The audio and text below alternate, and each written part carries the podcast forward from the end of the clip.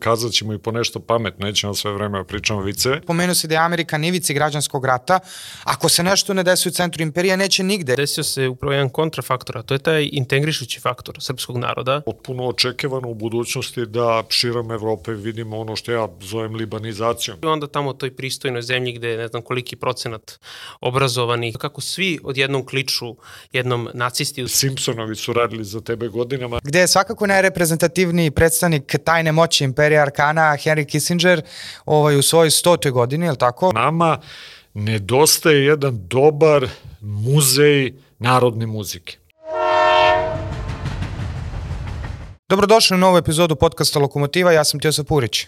Ja sam Marko Nikolić. Danas ćemo razgovarati o ovim poslednjim zbivanjima na Kosovo i Metohiji koji su nekako nadkrilili sve ostalo što se dešavalo bar u našoj domaćoj javnosti i kod nas i u svetu, ali osvrnut ćemo se malo i na ova zbivanja, nova zbivanja na zapadu, o vraćanju a, anglosfere na fabrička podešavanja i o zapadnim intelektualcima na specijalnom zadatku, diplomatskim zadacima u nedostatku boljih diplomata, je tako? Tako je, a u drugom delu emisije gost će nam biti Miša Đurković, direktor Instituta za evropske studije. Tako je, iako niste, uh, like i subscribe na naš kanal, a možete nas slušati i pratiti na audio platformama kao što su Spotify, Deezer, u ostalom naći ćete to sve u opisu našeg uh, videa. Tako je. E, za početak prva ova tema, da kažemo, da izjavimo odmah saučešće svim porodicama nastradalih na Kosovu i Metohiji i da saopštimo te neke činjenice koje koje i možemo i koje smo u prethodnim našim emisijama i pričali i posvetili dosta vremena zapravo ovim temama. Imali smo i dosta gostiju koji zapravo su i bili na Kosovu i Metohiji kao što je Srđan Garčević kada mi pričao iz iz svog ugla šta se dešavalo porodici Petrović iz Velike Hoče i koliko, i koliko su zapravo propatili na tom nivou da ekonomski, fizički i psihički se zlostavljaju na, na svaki način svakog dana i koliko zapravo naš narod na Kosovo i Metohiji svaki dan ispašta i koliko trpi. E, to je ono što je naravno e, i najbolje i, i najbolji izveštaj napravila i, i Kancelarija za Kosovo i Metohiju sa svim napadima i progonima koji su se desili u poslednjih dve i tri godine koji su postali učestali, a mene je sve ovo podsjetilo na 2015. godinu I kada uvodimo te dvostruke ršine, kad se setimo, e, pošto sad neki e, i kod nas, a i iz Europske unije nazivaju e, na, tragično nastradale e, Srbe sa Kosova i Metohije teroristima, setio sam se napada na Kumanovo 2015. godine kada je osmorica makedonskih policajaca nastradalo nakon napada terorista iz OVK i kada je gospoda iz Europske unije tada tražila da se e, počinioci oslobode i da se amnestiraju. Dok danas već vidimo i sa ovo malo informacija koje, koje trenutno imamo i koje ćemo valjda dobiti u narednim danima, već vidimo da e, se aktivirala celokupna mašinerija i medijska i sva druga na zapadu i ovaj moment proglašenja te specijalne operacije na severu Kosova koji ne znamo kako će završiti. Da, ali zapravo to koliko sam ja razumeo i pratići iz medija, to je specijalna antiteroristička operacija, ali tako koja zapravo daje carte blanche a, Kurtijevom, Kurtijevim separatistima da mogu da maltretiraju Srbe po kućama, da zapravo su, je tamo proglašeno stanje, ali tako divljeg zapada, gde se Srbima, to ćemo pričati kasnije, priznaje nacionalnost, ali se ne priznaje bilo kakav status građana, pa ba makar bila i to, to ovaj, ta država, ta država Kosova, pričam iz, njihovog, iz njihove perspektive naravno, ali meni je paradigmatično da su se pored, uh, pored ovih zapadne, zapadne mašinerije koje ajde, znamo, znamo šta i čemu služi na kraju krajeva, ovaj, postoji neka tradicija uh, na zapadu imenovanja Srba teroristima, tako je Gavrilo Princip je terorista koji je počeo prvi svetski rat, a ne nemački imperializam, pa možemo da idemo nadalje ovaj, i taj, taj narativ i diskurs se, se neguje, neguje na zapadu, zaključio sa 90. i sad sa zbivanjima, ali je meni pravo da ti kažem posebno, posebno gadno kada, kada građani Srbije a, krenu, krenu ovaj, u priču sa dodatnom nekako a, satanizacijom i blaćenjem tih ljudi, ali evo da uzem jedan od najblažih primera, Dobrica Veselinović, dakle opozicioni a, političar, kaže danas je još jedan dan žalosti u Srbiji, ne znam i ne razumem zašto drugi žale, ja danas žalim za srećom budućnošću koja nikako da stigne, žalim sve nas koji smo ostali ovde i tako dalje i tako dalje. I na kraju kaže čeka kad dana nam deca izađu iz kruga mržnje nasilja i konstantnog dana mrmota koji su stvorili oko, uh, koji su stvorili oko prošlosti, ratova i Kosova. Dakle, to je ta jedna, to je ta jedan narativ uh, ispaljivanja tih fraza, floskula koje odavno ništa ne znači iz tog nekog tranzicionog perioda kada je bilo smisleno, pe, to, to, to, je, to je iz onog perioda kad je BS pevo govedinu. Oni su prespavali da je BS otpevao i Kidan kao nole i Svićeru i na zori, da je jednostavno stiglo neko drugo vreme. Ovo del, delo je kao ceđenje suve drenovine jer se istrajava sa tim diskursom srpske, istrajava se uh, sa tim, da, narativom srpske krivice bez obzira na to šta drugo druga strana radi, to je negde što mi je u iznosnom smislu strašno, naročito zbog toga što smo sad nekako iz javnog diskur, diskur e, iz, da, iz, iz javnosti pritešnjeni slikama s jedne strane povlačenje Jermenije, Stepanokerte, pa nam to evocira sećanje na 95. godinu uh, i avgust 95. godine uh, u, u Srbiji i Ukrajini, uh, pa imamo sve ove, sve ove slike, naravno, uh, progone i stradanja naroda uh, Donbasa i Luganska, pa imamo Jemen i tako dalje i nekako kad ti se sve to upak opakuje ta jedna globalna, to jedno globalno stradanje raznih tih malih enklava po svetu koje su nekako deluju kao kusur u velikoj geopolitičkoj igri, onda ti se pojavi zapravo ova dobro podmazana mašinerija sa ljudima na terenu koji su spremni da, da, da tim praznoslovljem a, kontaminiraju i, tako, i takve dane kada, kada bi svi zaista trebalo da, ako ništa drugo,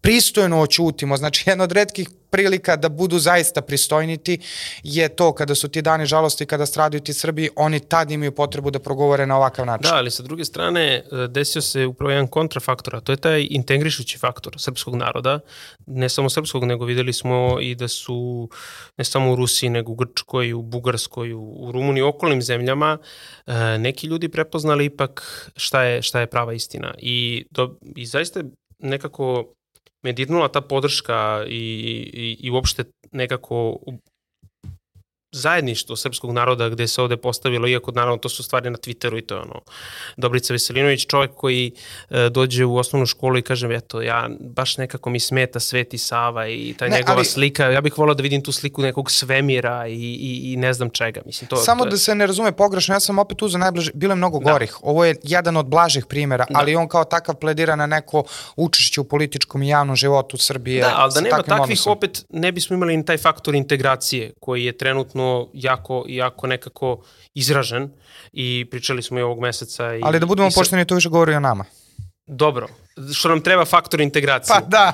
pa dobro, dok nema pretnje, nema ni integracije. Ima i toga, da. E, i, I neki narodi vape za pretnjom da bi imali e, takvo zajedništvo, tako da... Preći ćemo na Amerikance polako. Da, tako da e, svakako e, imali smo ovog septembra i ovaj naboj E, zaista nekih pozitivnih vibracija i kod mladih ljudi i to smo i komentarisali i to je to, najgore da se zapadne u defetizam, naravno treba da se vidi kako opstati, kako pomoći ljudima i kako zaista omogućiti da se taj život nastavi na Kosovo i Metohiji e, i kako svako od nas može zaista da, da pomogne što. Mislim da je sad stvarno nekako i prisutno u, u našem društvu i to pitanje. Tako je. Uh, hoćemo da, mislim, dok, dok, dok ne da. dobijemo još informacije, ne, da. jednostavno, je, jednostavno bi bilo i nepristojno iz pijeteta prema stradalima da se priča nešto više, da se spe, špe, špekuliše nekim informacijama, ali ono Tako što je činjenica i što pouzdano znamo jeste da ovaj um, da vidimo sa kim se to suočavamo kada, kada nam ovi sa zapada eto i pričaju o srpskim teroristima. Uh, jedan ovaj znakovit primer uh, i, i ovaj uh, pokazatelj toga šta je prava priroda zapada desio se u kanadskom parlamentu, je li tako? Tako je, da. Evo, svedoci smo toga da osvedočeni i dokazani nacista iz Waffen SS divizije Jaroslav Gunka može da bude dočekan uz uh, ovacije uh, čitavog tog uh, kvir demokratskog, je tako, establishmenta uz premijera Kanade Justina Trudeau koji iz nedelju u nedelju izgleda uspeva da briljira i da, što si ti rekao, Ana Lena nam je potpuno uh, e, potpuno otišla u, u drugi plan kada se postavi Justin Trudeau i šta sve on može da izgovori i evo sad pokušavaju nekako da se speru sa toga da, da možda čak i nije bio tu Jaroslav e, Gunka i zanimljivo je to da sad evo Poljska traži izručenje njegovo, pa ćemo vidjeti kako će to izgledati te nevolje u raju. Da, pa ne, činjenica, mislim, ja volim to kada, se, kada, kada dođe do toga i kada tako takve stvari isplivaju na površinu. Ovaj, ja bih podsjetio i iskoristio priliku da podsjetim na malo poznate veze između ovaj, kolevke demokratije i a, trećeg, trećeg rajha. Dakle, nije on tu baš pao s Marsa i nije čudo da je sve nekako ishodilo u tom dočeku. A, kaže, ovaj, 5. juna 34. godine, kad je ovaj Franz Girtner, ja mislim da je ministar pravde trećeg rajha, kad se sastao sa predsednikom Vrhovnog suda Trećeg, Trećeg rajha, Rolandom Freislerom i Berhardom Leženerom, koji je bio glavni tvorac nirnberških zakona po kome su ganjani jevreji u Trećem rajhu.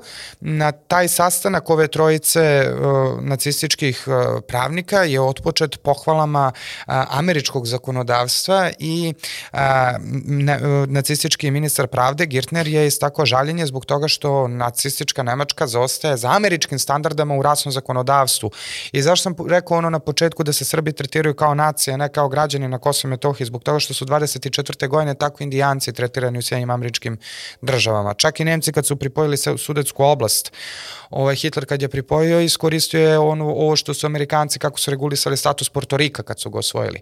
Tako da tu postoje neke dublje veze, očigledno je da se sve sad ovo polako ispliva na površinu, ima gomila analogija, tako je, ali ovo je baš ono, baš je kako bih rekao normativna veza, jer imaš dva pravna sistema koja se ogledaju kao to se negde zaboravilo iz gomile razloga, najviše zahvaljujući Franklinu Delano Rooseveltu čije je potopljeno, ali evo sad se sve to lepo fino otkriva kada su došli ovi malo slabiji uh, lideri na čelo, jer mislim to je što se Justin Trudeau sad pere, to je ono nije ga majka uh, klela što se kockao, nego što se vadio. Ka kako je uopšte došlo do toga da, da Jaroslav Hunka, uh, Gunka završi u kanadskom, u kanadskom parlamentu? Da, i kako se nije slučajno desilo da taj Dobrica Veselinović nešto to prokomentariše, šta se deša u pa kanadskom parlamentu, parlamentu, pošto je naš parlament e, nepristojan i kako ljudi, jel tako, ne znaju da se ponašaju, onda tamo u toj pristojnoj zemlji gde ne znam koliki procenat obrazovanih, najveći verovatno, jedan od najvećih u svetu i e, kakvi su profili ljudi u parlamentu, koliko ima doktora nauka, kako svi odjednom kliču jednom nacisti u toj svojoj divnoj e, pristojnosti. To... Pričat ćemo i o tom obrazovanju posle. Ja pričat ćemo, bit će reći i o tom I o obrazovanju, da. E, tako da to što sad oni pokušavaju da kažu da je to da se to nije ni desilo, da speru te stenograme, da kažu malte ne da se naprave ludi, da to niko njega nije ni zvao, nemamo nikakve ni posledice koje je podneo neke ostavke, e, gde su ti demokratski sistemi koji sad kažu pa ajde sad, ajde na izbore i pričali smo sa Igorom Jaramazom, kaže e, Trudeau već nema podršku, još na prethodnim izborima nije dobio e, većinsku podršku, tako da nema tu nekih posledica izgleda u tim demokratskim sistemima koje bi neki ovde koji se pozivaju toliko voleli da budu u takvim sistemima, a zapravo vidimo šta, šta, se, šta se danas i koliko su zapravo te sve rukavice pale, što jeste ovaj, zapravo i negde dobro za sve nas da znamo u kakvim se pričama krećemo. Ali hajde da se ovih političara bez, bez legitimiteta kakav je Justin Trudeau da pređemo nove neizabrane, ali mudrije političare, ovi koji ne, ne traže legitimitet nego deluju po zakulisnim nekim ovaj, po tim kuloarima, je tako? Gde je svakako najreprezentativniji predstavnik tajne moći imperija Arkana Henry Kissinger ovaj, u svojoj stotoj godini, je tako? Sad je već stota godina.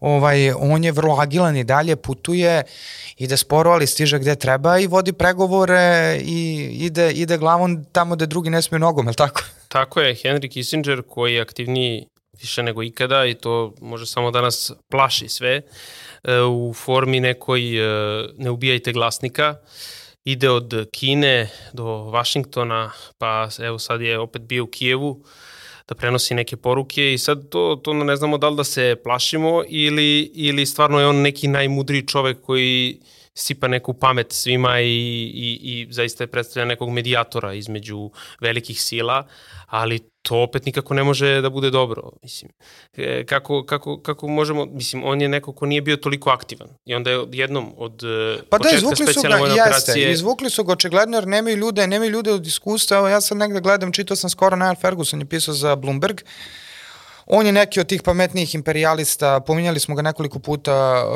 u, u emisiji, taj škotski istoričar i britanski imperialista koji važi za jednog od pametnijih, nikad nije držao javnu poziciju, to jest nije vršio javnu funkciju kako je to radio Kissinger, isto je kolegi istoričar Kissingerov, ali ovaj, evo on je došao do zaključka da bi sad trebalo Ukrajina, pričamo o Nailu Fergusonu, da bi sad trebala Ukrajina u svojoj kolumni za Bloomberg kaže da bi Ukrajina trebalo da a, zapravo a, ne sme da rizikuje dugi rat sa Rusijom zbog toga što se ispostavilo da su Rusi konačno, kako on kaže, konačno, ovaj, naučili kako treba da se ratuje ovaj rat, ne znam ni ja već koje generacije, i da bi zapravo Ukrajinci trebalo da osiguruju ono što su dobili. E, sad je tu generalno šta su dobili, ja sad čekam da vidim taj procenat zemlje koji je licitirao, kako oni se licitiraju, da li su uzeli 0,025 ili 0,00025 ili ovo u kontrafanzivi, ali Ferguson kaže treba da zadrže ovu članstvu, to jest status kandidata za članstvo u Evropskoj uniji i mogućnost ulaska u NATO paktu. To su uspesi ukrajinske odbrane od, po znacima navoda, ruske agresije i to što je uspela da se rebrendira, pa je sad od korupcijske jazbine pretvorena u zemlju geroja, zemlju heroja. Tako da mislim, to i naravno hvali kako su promenili uh, trg u Kijevu, kako su promenili ime Slava Tolstoja u nekog uh, ukrajinskog pesma, ime nekog ukrajinskog, ne, uh, u ime ukrajinskih uh, heroja, a zapravo je bio predlog da se da tom trgu bivšem Lava Tolstoja. Bandera Ne, ne, ne, nije ban, bandere sve, sve je bandera kod njih, ali nije to, ovo je sad jedan, jedan uži, uži specimen banderizma, um, da se da ime po nekom ukrajinskom pesniku koji je pevao o ukrajinskom geno, o, o genocidu nad Ukrajincima. Uh, Staljinovom u Golodomoru, je li tako, što je Bundestag proglasio da. prošle godine. Tako da, hoću da ti kažem, ako Niall Ferguson, koji bi trebalo da bude taj mladi, potentni, novo lice britanskog imperializma, establishment akademskog, kako god, ako je on najbolje lice, mislim, on jeste veliki intelektualac i on zna, ali ako je on to novo lice, ako on piše ovim fantazijama, pa nije ni čudo što vade, što vade Henrya Kissingera iz Naftalina da radi specijalne operacije. Da, i ekonomisti ovu naslovnu E, za, za Ukrajinu. Tako, tako je, i ekonomist da. imao vreme da se opet razmisli da li treba da se daje, da. da se daje pomoć. Ali najveća opasnost Ukrajinu, Ukrajinu su očigledno njeni, e, njeni najbliži do skoro saveznici, saveznici da, u vidu Poljske i okolnih zemalja koji sve, sve manje izgleda planiraju da, da daju što više i svoje resurse, ali da opremaju ukrajinsku vojsku, što su glavni, glavna čorišta opremanja uh, ukrajinske vojske. I naravno sve ovo sa izvozom žita i to što je uh, predsednik Poljske rekao da je Ukrajina davljenik kome, koji vapi sad za pomoću, a davljenika izgleda svi polako napuštaju, što naravno sad već vidimo tu svu tragediju ovoga i koliko sad svi polako napuštaju taj brod pred ove predsedničke izbore u Americi kojih se izgleda svi jako plaše, od kojima ćemo naravno više pričati sa, sa Mišom i o Tako tome, je. o tim svim ideološkim podelama zapravo u Americi. Tako je. A pre nego što pređemo, evo čisto spomenjem, jer si spomenuo obrazovanje, uh, nekako su to meni drage teme. Emily Wilson, uh, profesorka klasicitskinja sa Univerzitetu u Pensilvaniji, prva žena koja je prevela Homera 2017. godine Odiseju, sada je prevela Iliadu, ovaj, apropo onoga šta oni uči, šta njihova elita, elita uči, sada su, sada su dobili u septembru 2023. godine kurikulum i syllabus najprestižnijih zapadnih univerziteta novog Homera, Homera koji nije čitan, koji nije prevođen u ključu patriarhalnog šovinizma i maskuliniteta, pa je u ovaj, Ahil, sad ja to ja sam čitao malo te neke citati, to zaista deluje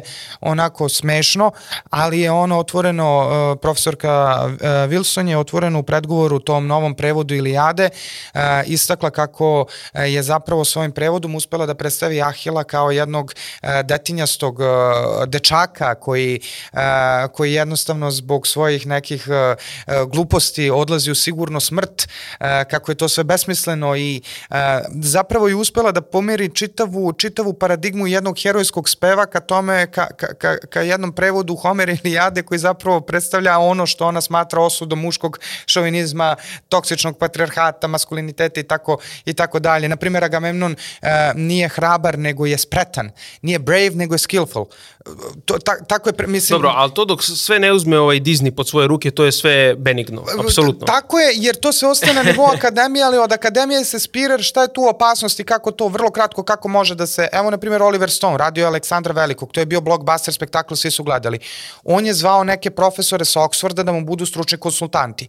I oni mu kažu tamo, Aleksandar je bio u uh, gej zajednici sa uh, Hefestionom ili nije. U zavisnosti od toga šta kaže ovaj profesor, reditelj će to najverovatnije prihvatiti i onda ćeš ti dobiti herojsku ikonu koja ti je predstavljena kao sada ikona koju će nositi na evropskim prajdovima u Beogradu. Neki Amerikanci ili ovi dezerteri iz Ukrajine i Rusije koji Dobro, su to tu su došli. ti da, ratovi koji To se se- prenose kod nas zapravo. Tako je, jer to se sve dešava u nekoj tamo Prelivaju. dalekoj akademiji, ali se, ali se vrlo to lako prelije i naročito te figure koje, jer mi možemo da kažemo to je Homer, to je Antika, pa da, ali najbolja, na, jedna od najigranijih igrica jeste Assassin's Creed Odiseja.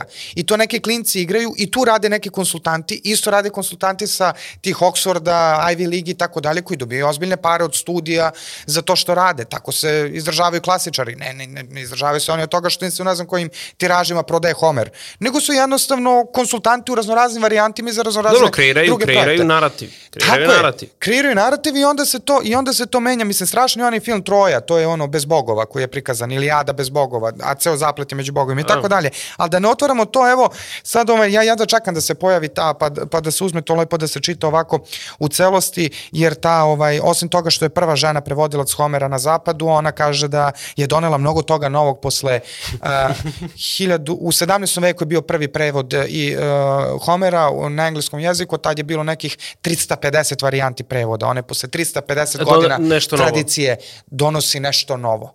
Vidjet ćemo šta će to da bude, verovatno će biti, nažalost, za potpolu kad bude nestalo gasa i ovo malo što ga imaju na zapadu.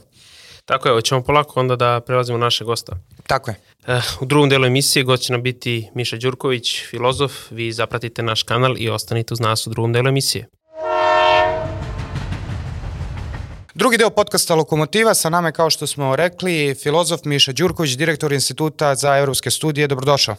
Filozof, humanista i prijatelj srpskog naroda, da, znači puno titulu na koju od Daniela Šifera nadalje svaki pošteni srpski filozof mora da pretenduje. Ovaj. Hvala na pozivu i bolje vas našao. Evo, sveže si došao iz Pitera, Peterburga, Petrograda, kako go, Leningrada. Kako je, kakvi su ti... To Steva Gajić kad dođe. Njemu Leningrad za mene je to Peter, Peter, dakle, Peter. tako je iz Peter. A, kakvi su ti utisci, jel, ovaj, uh, imajući u vidu ovu zapadnu propagandu koja najavljuje već mesecima kolaps Rusije, jer, kol, jel kolabira Rusija? Nemačka pobeđuje na svim frontovima, to je, ovaj, učili smo kako se odgovara. Prvo, uh, ajde, u, u, bit će zanimljivo, dakle, u ovom, kako bih rekao, ovaj, specifičnom modelu i stilu u kome vi pravite emisiju i zadovoljstvo mi je stvarno da možemo danas da budemo, da ljudi znaju, kazat ćemo i po nešto pametno, nećemo sve vreme da pričamo viceve, ovaj, i da se šalimo i zezamo što je nama ljudski i dobro još. Ovaj. Ja prvo moram da se legitimišem kao ruski plaćenik ovde, da se zahvalim ljudima iz fonda Gorčakov koji su mi platili put, dakle, pošto s njima smo sarađivali jako lepo ove godine, jedna sjajna konferencija bila o konstruisanju veštačkih identiteta na postsovjetskom i ovaj postjugoslovenskom prostoru, da tako kažem politički korektno. Ovaj i Steva Gajić i ja smo bili u junu u Moskvi, dakle u, u centrali, ovaj što bi rekli, a, a, da pozdravim Bojana Pajtića i Šutanovca i tako dalje. I ovaj bilo je to je godišnji skup bio vrlo koristan sa ono stvarno ozbiljnim ljudima, a, ovaj gde ona prvo videli smo kakva je situacija tad mnogo više, ajde da kažem, sad sam se više bavio nekim drugim stvarima, a onda posle toga sam ih zamolio, uh, ovo je bila inače filozofska konferencija, vrlo ozbiljna, Uh, njihov državni univerzitet u Sankt Petersburgu, dakle, zajedno su uh, Institut za filozofiju tog univerziteta i uh, Sociološki institut Ruske akademije nauke i umetnosti napravili te, oni rade već 11. godinu, kako se to zove, otplike čtenija, po prvo sam ruske istorije filozofije i bilo je sjajne neke ljude sam upoznao, bilo je odličnih panela i to i oni su pokrili sve to tamo, ali naravno troškovi za put su odavde, te sam ja pitao ove ljude pošto imaju i hvala im stvarno jer mi je to omogućilo da odem i da prvi put vidim Peter, dakle koji je onako jedan ozbiljan imperialni grad i koji, mislim ja, evo, iskrem, onako skromno da kažem, proputovao sam veći deo sveta, ništa slično nisam vidio. E sad prvo, ovo ozbiljno, kakva je situacija tamo, A, dakle, ekonomski pokazatelji su vrlo jasni, pad je bio prošle godine ka 2-3%, sad se to stabilizovalo, inflacija postoji posebno poslednjih par meseci, sad je negde se menja na za evro recimo 105 otprilike, s tim što to opet se nešto ne preliva mnogo na ukupan ekonomski život, dakle prosto opet ajde da kažemo slične stvari rade i Erdogan i, i ovaj a, Orban, dakle gde prosto inflacija u uslovima krize na neki način, mislim, mi radimo nažalost potpuno drugo, pa veštački držimo dakle evro na, na jednom nenormalnom nivou. Ovo je neko prirodno usklađivanje i u principu isto i mogu da kažem i u Moskvi, dakle i u Piteru vi nemate nikakav osjećaj da je rat ili e, šta više, postoje te zanimljive stvari, ajde kad smo već u ovome, nedavno sam ovaj, čuo italijane kako raspravljaju o tome da a, a, se pokazalo, na primer, da su oni sprovode sankcije prema Rusiji u vinarskoj industriji, dakle, koja je njima naravno vrlo važna izvoz vina, tako što su, zamislite, sva vina preko 350 evra zabrajena da se izvoze u Rusiju. ovaj, da prevedemo na ovaj logičan jezik, dakle oni izvoze potpuno normalno tamo, kao što i najveći deo ovih modnih kuća, butici su tamo i tako dalje, ili, imaju te, te, ajde da kažemo, fore da nominalno predaju biznis domaćem partneru, i da onda to ide potpuno KFC radi normalno, na primer, svuda, McDonald's je uradio to da je našao partnera koji privremeno, da kažem, preuzme taj biznis. U suštini vi ne vidite neke velike promene. Grad je naravno prepun domaćih turista, jer to je stvarno neverovatan grad, tako da manje ima zapadnjaka naravno nego ranije, ali nađe se i to. Ovaj, ima ljudi naravno iz daleke Azije, a, a i sad ja sam još imao sreću da je vreme fantastično onako bilo, te sam ono pešačio po jedno 15-20 km svaki dan, pošto sam prvi put bio tamo i to je stvarno jedan čudesan grad. A, I ono što je jako bitno je da krenemo od ovoga, dakle, ova parola i ova cela priča, a, nekako, ajde da kažemo, taj vrednostno ideološki moment mi je strašno bitan. Bio ja, ko što znate, nisam veliki ljubitelj ovaj, onoga što se tamo dešavalo od 17. pa nadalje i posebno vidi se svuda, dakle, kako se čini se sa svim ovim što se dešava u zadnjih godina i po dana, polako sve više čisti još dodatno. Peter nikad nije bio oduševljen, dakle, sovjetskim nasledđem, kao što znamo, ali vi to, znači, ostaje onaj jedan spomenik veliki, onaj obelisk sa petokrakom koji je podignut za 40 godina bitke, dakle, Lenjegradske i to stoji, grad heroj i tu i tamo, ali suštinske, recimo, ima sjajnih primera ovaj, obnove stvari, evo da, da samo ispričam to ono što, recimo, taj primer, a, ova Fjodorovska ili crkva Romanovih, kakva je poznata, koja je podignuta između 1909. i 13. pa povodom 300 godina od obeležavanja vladavine porodice Romanov i koju su naravno komunisti odmah zatvorili posle toga i 32. godine pretvorili u mlečni zavod, odnosno fabriku za mleko, distribuciju, proizvodnju i tako dalje, skresali sve i to.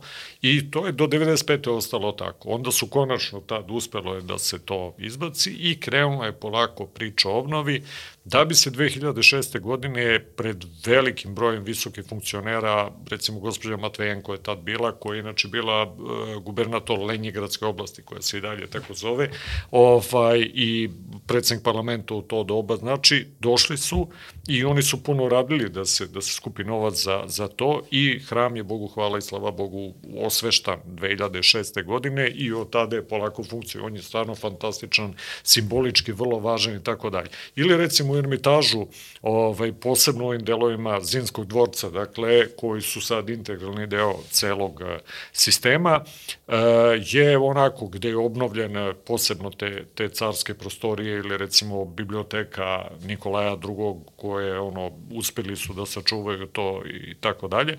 Dakle, tu svuda stoji tabla lepo, gde je napisano šta je urađeno 1917. godine kad su ovi, da kažemo, šumci ušli i ovaj e, stoji slika da ljudi to mogu i da vide. Znači, na jedan fin način, ne provokativno i tako dalje, ali vrlo jasno se pokazuje šta je bolševička revolucija donela, odnosno šta je uradila i ovaj koliko je prosto taka vrsta modela ili e, odnosa prema sobstvenom nasleđu neprihvatljivi. Da završim samo s ovim, dakle, ovo ljudi koji prate, da kažem, popularnu kulturu generalno, posebno rusko 90. godina, ovo je naravno a, čuveni film Balabanova, dakle, brat E, prvi deo je snimljen 96. ako se dobro sećam, a drugi 2000. godine. Prvi deo se naravno ceo dešava u Piteru, odnosno San Peterburgu.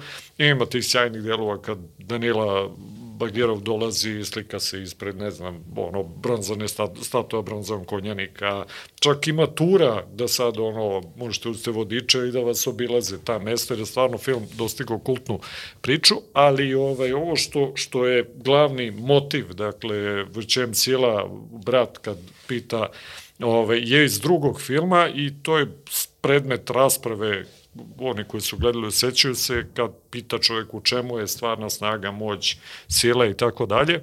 I onda posebno onaj razgovor sa Amerikancem, što je simbolički sad njima još dodatno važno. Dakle, Amerikanac u čemu je sila. Evo, moj brat ovaj, kaže, na primjer, da je u novcu, evo, ti imaš puno novca, a ne vidim da si nešto jako ovde. I onda čuveni odgovor, ne v dengi, nego u pravdi da je sila u pravdi i taj model, dakle i cela ta ideja da je snaga u pravdi i pravednom ajde da kažem, uzroku neke borbe, šta god to bilo i tako dalje, čini se da generalno još dodatno potiskuje tu komunističku i, i ovaj, ovu postkomunističku komercijalnu priču koja je vladala Rusijom poslednjih par decenija, posebno među elitom, i da običan narod sve više ima to razumevanje i potrebu za nekom pravdom, istinskom, dakle onom izvornom smislu, slobodom i tako dalje. Ovaj, tako da sve u svemu ovaj, bilo je jako zanimljivo videti te neke tendencije i propratiti šta se tamo stvarno dešava. A sad, ajde da se zadržimo na referencama iz Bratovoj. Uh, Ima u prvom delu oni deo kad, e, kad e, kaže ovaj, što je smrtonosno, što je blagorodno za Rusa, smrtonosno je za Nemca. Za Nemca, da. E, I to isto tako čini mi se i tekako primenjivo na, na, na, aktuelnu, na aktuelnu situaciju. Kako ti se čini ovaj odnos celokupni Evrope u ovom trenutku prema Rusiji, jer Evropa može konačno da se kaže da je izgubila bilo kakav politički subjektivitet? Pa mislim, Evropa je ajde kažemo... I Nemačka kao centralna zemlja. da, da, ovaj, dobro, ako govorimo u terminima klasične politike, moći geopolitike, zapadna Evropa je pod okupacijom od 45. godine, dakle, to je neosporno, Nemačka ima status okupirane zemlje i danas, mislim, to je realno, ona nije suverena država, tamo je od 30 do 50 hiljada američkih vojnika i tako dalje, to je do nivoa da ima tih čuvenih priča kad su pokušavali da recimo novine ove, izađu na gotici, američka ambasada kaže ne, to ne može, jer se to tretira kao ovaj, nacističko pismo i to su nivoji i taj nivo, da kažem, okupacionog statusa koji je nekad vidljiviji, nekad manje i tako dalje i koji je negde Angela Merkel sa svim svojim mukama i problema pokušavala koliko toliko da hendluje i da preko ekonomije uspeva da neke stvari radi sa njenim odluskom i početkom ove rata a, ovamo 2022. znači to je potpuno svaka maska sklonjena i to je sad jedan okupirani prostor koji mora da igra kako gazda svira. Mislim, to je počeo od ovo sa severnim tokom, to je jedna velika sramota e, za Nemačku kao državu, zemlju i sve što je Angela Merkel radila i uspela da uradi i e, tragedija što ne samo u javnom prostoru, na društvenim mrežama o tome ne sme da se pita, znači ovim sve to cenzurišu, znači prosto cenzurišu svako pominjanje toga. Rezultat toga je da je AFD na preko 20%. I slični procesi su u velikim delovima evropskih zemalja, dakle, koliko god oni pritiskali gusu, prosto ljudi bune se, a, svuda je to, dakle, na neki način vidi se rast tog opet talasa ove nove radikalne desnice, s tim što Amerikanci vrlo ozbiljno rade da to preusmeru u svoj pravac. Recimo, to je ključni primjer je ovo sa uh, Giorgio Meloni i Salvinijem, dakle, koji manje više su imali istu agendu koja je ljudima bitna, antimigransku, porodice i tako dalje. Ameri su odradili fantastičan posao da njega obore uh, ovaj, na 7-8%, čak su pustili onu aferu pred izbore, a da nju dignu na 25%. Čemu je razlika? On spada u ovu, što je uglavnom vezano za tu grupu Evropu identiteta koju Amerikanci probaju da sad rasture potpuno i Britanci zajedno i da umesto toga podignu ICR koji je skroz pro NATO. Dakle, možete šta god hoćete, ono, anti-imigracija, anti-gej, bla, bla, bla, do god prihvatite da šaljete oružje Ukrajini, da ono, vičete slava gerojam i sve kako treba. I to je jedan, jedan ozbiljan proces gde oni pokušavaju da to preusmere tu protestnu energiju u pravac koji njima odgovara. Tako da tamo ide jedan, jedan popiličan haos, uh, A, idu izbori Evropski, Evropski parlament sledeće godine koji onako dosta toga vrte. E, nama je nedavno bio profesor Orbach ovde iz Austrije, gde ono vidi se ogromne zadovoljstvo ljudi da je, ne znam, energija poskupela energetika, cene energenata 3%, su mnogo veće računi i to. E, I, međutim, Evropa u ovom trenutku nema, nema snage a, Prva je Nemačka koja je jedina ozbiljna, Francusku niko više nažalost ne uzima za ozbiljnu državu iz mnogo razloga. Dakle, ali Nemačka koja je jedina koliko toliko imala snage i čiji privreda nosila do sad sve to, je u recesiji, dakle, zvanično, plaća cenu za energente i tako dalje. Pominjali smo malo pre ovo šta se s Poljskom dešava. U Poljskoj su izbori vrlo skoro, dakle negde polovinom oktobra, gde će isto biti vrlo zanimljivo kako će se to rešiti na kraju, jer ova dva bloka su prilično izjednačena, stvorilo se nešto novo što se zove konfederacija, niko živi, ne zna šta je to, na koju će stavno da pre, to bi imao oko 15% i faktički će odlučiti ko će vladati a, ovaj, a, e, Poljskom nakon toga, e, svima postoje jasno da je, da je ovo sa Ukrajinom što se dešava prilično iscrpljujuće za sve. Dakle, i manje više zapravo svi čekaju, ajde, s jedne strane te izbore uh, sledeće godine, ali pre svega američke predsjedničke izbore, jer se očekuje da bi eventualna smena demokrata zaustavilo ludilo potpuno. Međutim, s druge strane, pritisci u samoj Americi na celu ovu strukturu, dakle, koja se opere demokratama, dobiju neverovatne razmene I ja stalno pominjem, mislim, dugo se priča da Amerika u nekim segmentima već je na ivici građanskog rata, faktički, tako da mi ne bi izneradili uskoro i fizički sukob i slične stvari. Da, mislim, generalno ovaj svet ide u da ne kažemo gde. da, ali evo sad kad smo kod već Amerike i ovo razotkrivanje ideološko negde je ove nedelje kulminiralo zaista sa dolaskom uh, Jaroslava Hunkeja u kanadski parlament koji je dočekan tamo sa ovacijama, e, čovek iz Waffen SS divizije, koga sad Poljska upravo traži da je Kanadska, da Kanada izruči e, njega i uopšte taj sukob između Ukrajine, Poljske, Andrzej Duda koji kaže Ukrajina je davljenik kome nema spasa, e, odbijanje sastanka sa Zelenskim. Jel pucaju ti šavovi ne samo na tom ideološkom planu, već sad i na nekom tom panevropskom planu koji potpuno sad se ruši koncept između tih baltičkih zemalja, Poljske, u krajnjoj liniji i Mađarske koja je negde na toj liniji suverenistički, suverenističkog bloka i ovih drugih koji su sad u tom nekom kvir liberalnom uh, fazonu, da kažemo, poput Kanade i ostalih zapadnih zemalja. Pa tu sad ima nekoliko nivoa, dakle do pre izbijanja rata, dakle koji je sad pokrio manje više sve to. Recimo se dosta bavio tom i pisao i govorio o uh, Istanbulskoj deklaraciji, koja je vrlo važna, deluje ovako za ljude kao šta je to, to je faktički najvažniji ideološki dokument koji je Savet Evrope, e, odnosno Zapad, što bi rekli ovi vaši ovaj, nalogodavci, ovaj, kako zove, kolektivni Zapad, kolektivni ono, zapad, ovaj, to je, naučili smo iz aktualnosti, ovaj, dakle, kolektivni Zapad, da je to vrlo zanimljivo sad, da li to postoji uopšte i tako dalje, da su gurali na jedan brutalan način. Zašto je priča bitna? Jer ona, to, ona je okvir za celo ovu transgender, bla, bla, bla i ostalo ludilo za razvaljivanje porodice, za donošenje i zakona koji su kod nas isto provučeni, dakle ove 16. godine o takozvanoj prevenciji nasilja u porodicu koja je zapravo zakon o prevenciji porodice, odnosno razaranja porodice i ovaj zakon rodne ravnopravnosti, dakle iz 21. koji je na osnovu toga do, donet.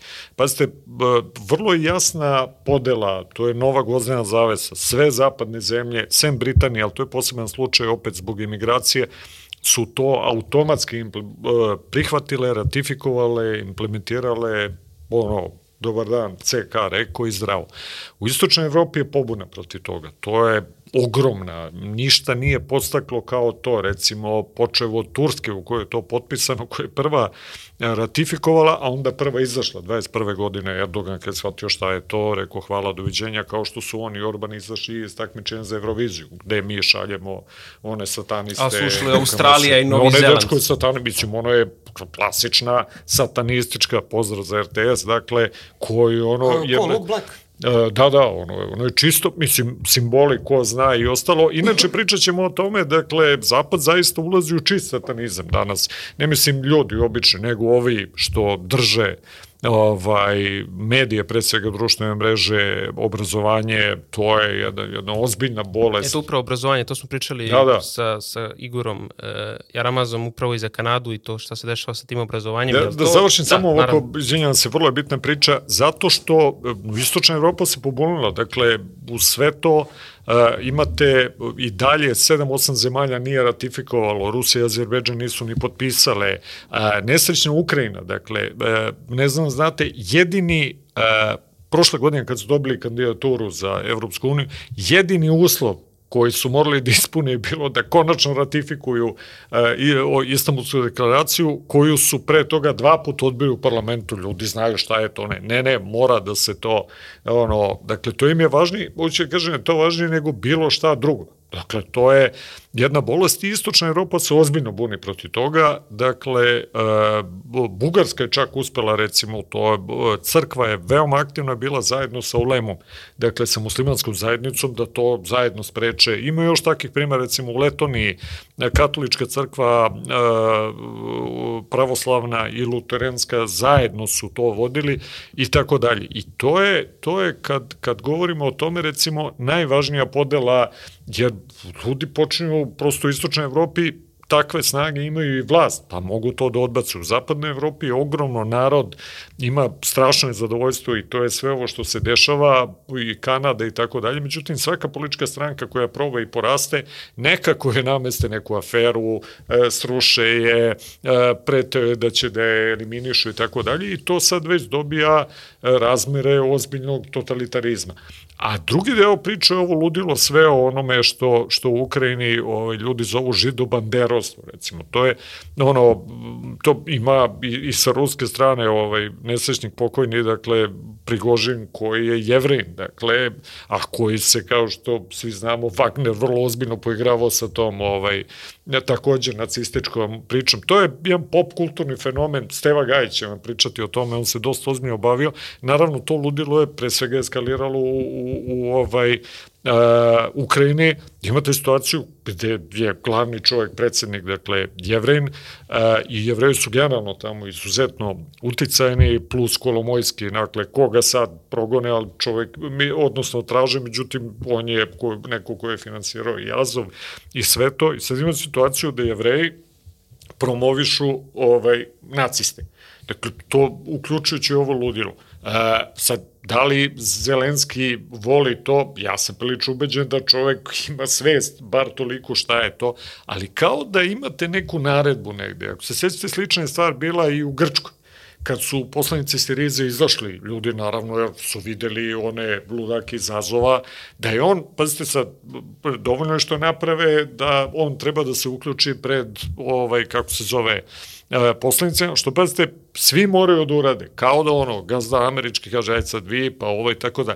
A to nije dovoljno poniženje. Treba, kao da treba sve te zemlje još dodatno poniziti time što ste im dovedete nacistu ono koji će da ono priča i tako dalje. Tako je to sad prenošenje istog modela i na nivo ovaj uh, uh, Kanade, koja je, pazite sad, ultra liberalna, šta god ono, i na kraju to dobijate zapravo u tom svetu jednu kombinaciju ono LGBT nacizma. Dakle, I to uopšte nije toliko isključivo ko što ljudima se misli, to se nekako sve spaja u neku vrstu, ajde da kažemo, ovaj, ovog u, u, ukupnog okvira gde iza toga, o tome ću ja pričam, posebno stoje za ljude koji su hrišćani vrlo ozbiljne a, a, stvari koje iz da kažemo, tradicije i predanja se prepoznaju kao satanizam, kao što je recimo pedofilija. Sam o dosta tome pričao i pominjaćemo i ova poslednja knjiga koja se zove Razaranje i otpor, velikim delom podstaknuta i tim otporom pre svega istočne Evrope ove, protiv novog komunizma.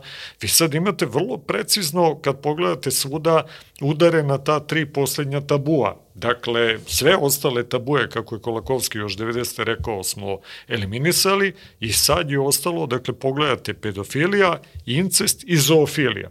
I sad od popularne kulture, ne znam, igra prestola, pa nadalje, sećamo se u prvoj epizodi, imamo, vidimo seks između brata i sestri, to je kao sad normalno. Uveliko se već radi, recimo, na priči o a, ovaj, a, legitimacije polijamori, To je takođe, e, dakle, ja mislim da Južna Afrika već eksperimentiše sa izmenom ustava u kojoj će faktički legalizovati poligamiju, mnogoženstvo, polijandriju i tako dalje.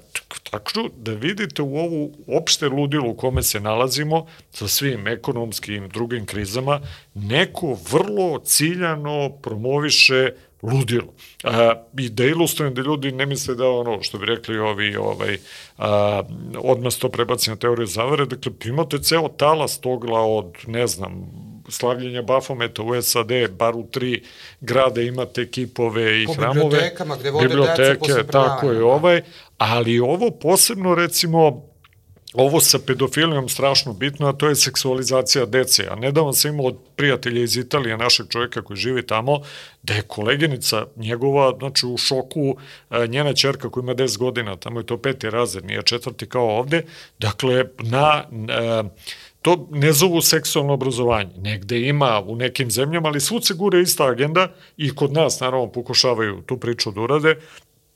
Izvinjam se, A, to je ideja kako danas deca brže se zrevaju, kako ona moraju mnogo ranije da budu upoznata sa svim tim stvarima kao što su kontracepcija, seksualizacija i to. I onda su uveli neki predmet koji je nešto e, senzualnost za, ne znam, procese ovo ono, na kome, koje je de facto seksualno obrazovanje i detetu od 10 godina, znači, puštali su im porno film. Dakle, u školi, pa pošaljate dete i tamo vašoj čerci, na primer, neko uzme lepo da pokaže čiku i tetu koji, ono, kako beše, ono, zašto čika jaše tetu i to, to je na, Mangupi na tom... vam kvare dete. Pa mangupi Ili vam kvare dođe ona kvir kraljica pa im objašnjava verovatno. Tako je, da, to je sad već, ali da kažem, to se dve prosto ljudi da znaju. Dakle, kao i ova cela priča kod nas u, u, sa gay pride-om i to gde video sam 700.000 evra, malo pre sam video podatak i prošle godine koštalo ono ludilo pritiska, Europride. da, da, da, takozvani i to. Dakle, to su potpuno, vidite da iza toga stoje ambasade i ostale e, stvari, da daju ogromnu količinu novca i da to guraju i to u, u istočnoj Evropi pre svega se nigde svuda ne lazi na ogroman otpor, prosto ljudi neće. Ali to, to je očigledno danas važnije nego bilo šta drugo.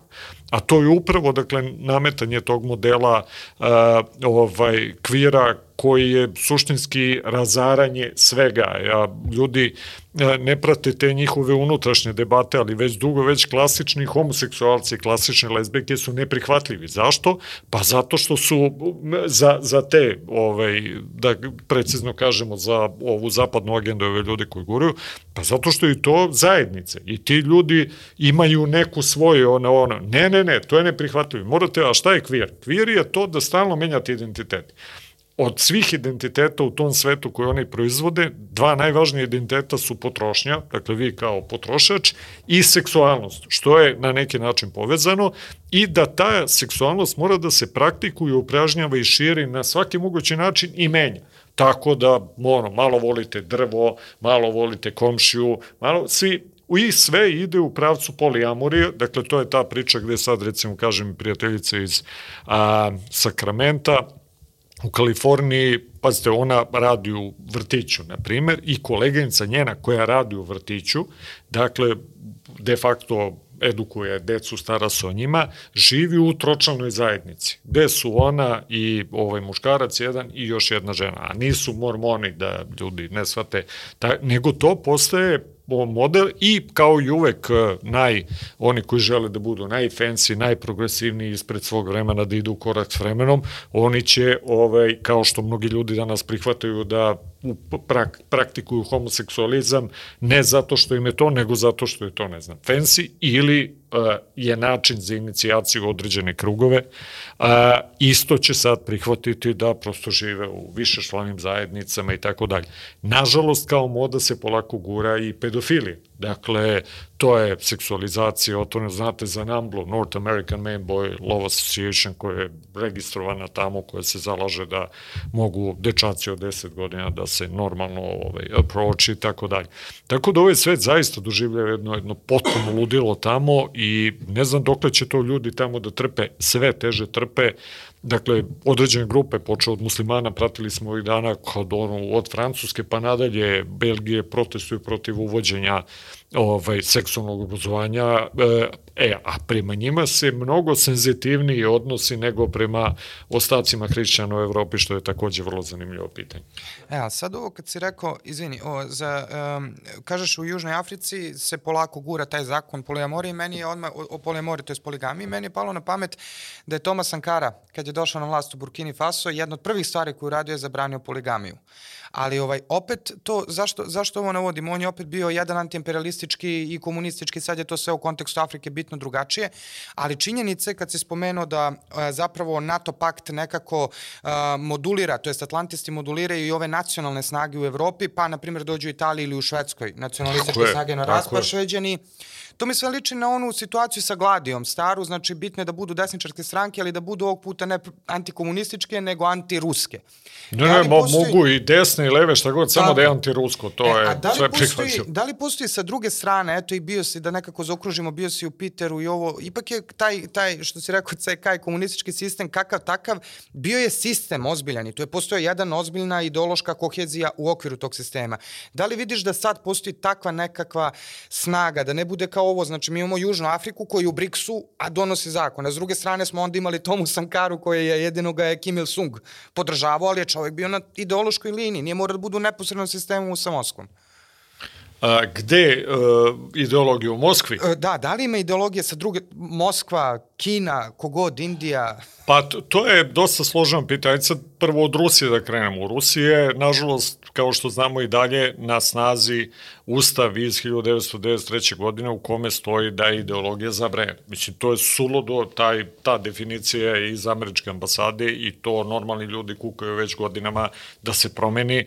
Dakle, neke ideologije svud postoje i naravno ljudi ideologije kao sistem vrednosti, jer a, ako gledate šta je onda ideologija? Potrošnja i dobar život. To je, mislim, cela priča i jeste i ovaj rat, kažem, u vrčem sela jeste pitanje kod ljudi e, veliko, dakle, šta je smisao života, zbog čega smo ljudi ovde, da li samo da trošimo i da, ne znam, jedemo use, nas se podase ili ima nešto i duže i šire. A ideologije e, su važne i neizbežne, dakle, svako prosto pokušava sebi da osmisli neki život. Dakle, e sad imate, samo kratko da ubacim, ovaj, čovjeka koji je jako zanimljiv i posebno taj njegov poslednji film, dakle Adam Curtis, jedan britanski režiser koji radi izvanredne dokumentarce različitog tipa i poslednje što je imao sad je u Rusiji, inače objavio u šest nastavaka neki, to je vrlo zanimljivo, čisti materijal iz, iz arhive, dakle, ovaj, taj period obrađuje od 85. recimo 99. Hoće da pokaže koliko kapiram, šta da je ono sve posle 2000 rezultat jedne vrlo jasne logike raspada koji je tamo bio nekih 15 godina. E, međutim, prethodni njegov film koji je vrlo bitan i, i ovaj, u šest nastavaka 2021. godine zove se po onoj pesmi uh, Can't Get You Out of My Head, uh, dakle Kylie Minogue, i koji proba, i sad ulazim u, u, u srž onoga što si me pitao, dakle, a, koji pokušava da uhvati paralelna kretanja zadnjih 50 godina u sve tri velike civilizacije, dakle, Zapad, pre svega Amerika, naravno i Britanija, ali generalno, dakle, Kina i Sovjetski savez, odnosno Rusija. I šta je ideja cela? Da je zapravo negde od 70. godina a, ovaj, u sva tri prostora se došlo, elite su došle do ideje da su ideologije mnogo opasne, jer one izazivaju revolucije, ljudi hoće da ginu za nešto i tako dalje. To je recimo možda naj, najupečatljiviji primer uh, Deng Xiaoping, dakle, to ljudi ne znaju, on kad je došao na vlast, recimo 77. ako se ja dobro sećam, on je osim ove ideje, dakle, otvaranja tržišta i kompanije i tako dalje, u jednom krenuo i sa idejom delimične političke liberalizacije. Dakle, i gde se to završilo, posle nekog vremena su ljudi počeli na velikom zidu, ono, znači tamo, da ističu razne programe, uh, ono, odjednom su osetili ljudi blago slobode, što izaziva i potrebu da kritikuješ vlast i tako dalje, sukobe izmini i tako dalje, da bi on shvatio koliko je to opasno i samo prekinuo celu tu priču i sve prebacio na pravac ne može to, ali možete da se bogatiti. E, manje više ista je priča i ovo Rusi koja se dešavali i sve do sada, do prošle godine, veliki deo ruske elite funkcionisa po tom principu. E, I pre, i za vreme Jelcine, i za vreme Putina posle toga, Ovaj, a Zapad je već uveliko odavno otišao u tom pravcu, mislim, to je civilizacija u kojoj je potrošnja i korporacije koje vode sve važnije od svega. E, međutim, to, to prosto ljudska priroda nije to. Ljudska priroda traži i smisao, traži da se žrtvuje za nešto što je suprotno potrošnji. Jer u potrošnji ti ne da žrtvuješ ništa, nego samo treba da trošiš i da uživaš u seksualnosti i tako dalje. I prosto postoji otpor kod ljudi. Dakle, evo ga, ovaj, čovek pita, dakle, u čemu je zapravo smisao života, ljudi imaju potrebu i za pravdom, i za pobunom, i za borbom, i za dugovečnošću i tako dalje. I sad to na različite načine probaju u različitim delovima. Ono što su naši ljudi, recimo, kad, naravno, s mukama koje mi imamo sa zapadom, onda se nadaju da će BRICS, malte ne pravoslavni jedan BRICS, onako fini koji ono stavi borbu za Srbe na prvo mesto, pa onda ovo ostalo sve. Znači, to bi bilo idealno, a ove što se šali ljudi ovaj, ranije da ono Putin svakog jutra kad ustane prvo pita kako su mi Srbi i šta rade. Dakle, to je onako za našeg malog čoveka jedan idealni model. A, to prosto nije tako. Dakle, ovo je sve to ono zašto je nama, ajde, realno negde važan BRICS ili važne, važna mnogopolarnost u svetu, ne zato što će ovi sad tamo da nas, ono, ne znam, uzmu pod svoje skute to, nego zato što u jednom pluralnom svetu vi imate prosto više prostora. Po, pogledajte koliko je nama značilo ove četiri godine Trumpa. To je ono, e, zašto? Zašto se Amerikanci nisu bavili nama? Bavili se sobom, bavili, zašto samo da nas puste da dim? Nama ne treba ništa, nema pomoć, ne treba ljudi, snaći ćemo se mi sami, samo sjašite nam s vrata, ono, ovaj, e, međutim, oni neće da sjašu i to i jeste taj problem, e, dakle, demokratske stranke danas i celo korporativnog milija koji stoji za njih, koji prosto to čak ide suprotno i svojim ličnim finansijskim interesima, jer oni novci imaju koliko hoćeš, i kao da neko ima neku ludačku agendu za koju je spreman i da ovaj svet ubaci u, u, u ne znam, razaranje. Ovi drugi pokušavaju da plivaju, da nađu na neki način prostor da, da ovaj, sačuvaju neke vrednosti, a opet moraju da vode računa, to su velike zemlje, ne znam, imate Brazil sa par stotina miliona ljudi, morate ljude da iskrenite, da očuvate neku, neki sistem u, u tamo gde ono, suzbijate mafiju i tako dalje. Svi se oni bore sa svojim mukama i problemima. Sad će recimo bude vrlo zanimljivo u Argentini, gde definitivno neka desnica, što je kod njih malo drugačije, dolazi na vlast. Ovo je indikativno i Ferran, ni Fernandez ni Kečner ovo nisu hteli da se kandiduju, što znači da su unapred to predali, ali opet ta sad nova nesnica koja dolazi, ovaj, nije više ona libertarijanska koja je potpuno u fazonu privatizuje MMF i to, nego je dole, recimo, ja sam prošle godine bio, otvorio se ozbiljan sukob oko abortusa. Oni su progurali legalizaciju abortusa jer ne drže koji dalje sa ozbiljnom katoličkom tradicijom bile i tako dalje, pod uh, okriljem uh, COVID-a i, i zabrane da se izlazi na ulice, to je ljudi dosta pogodilo.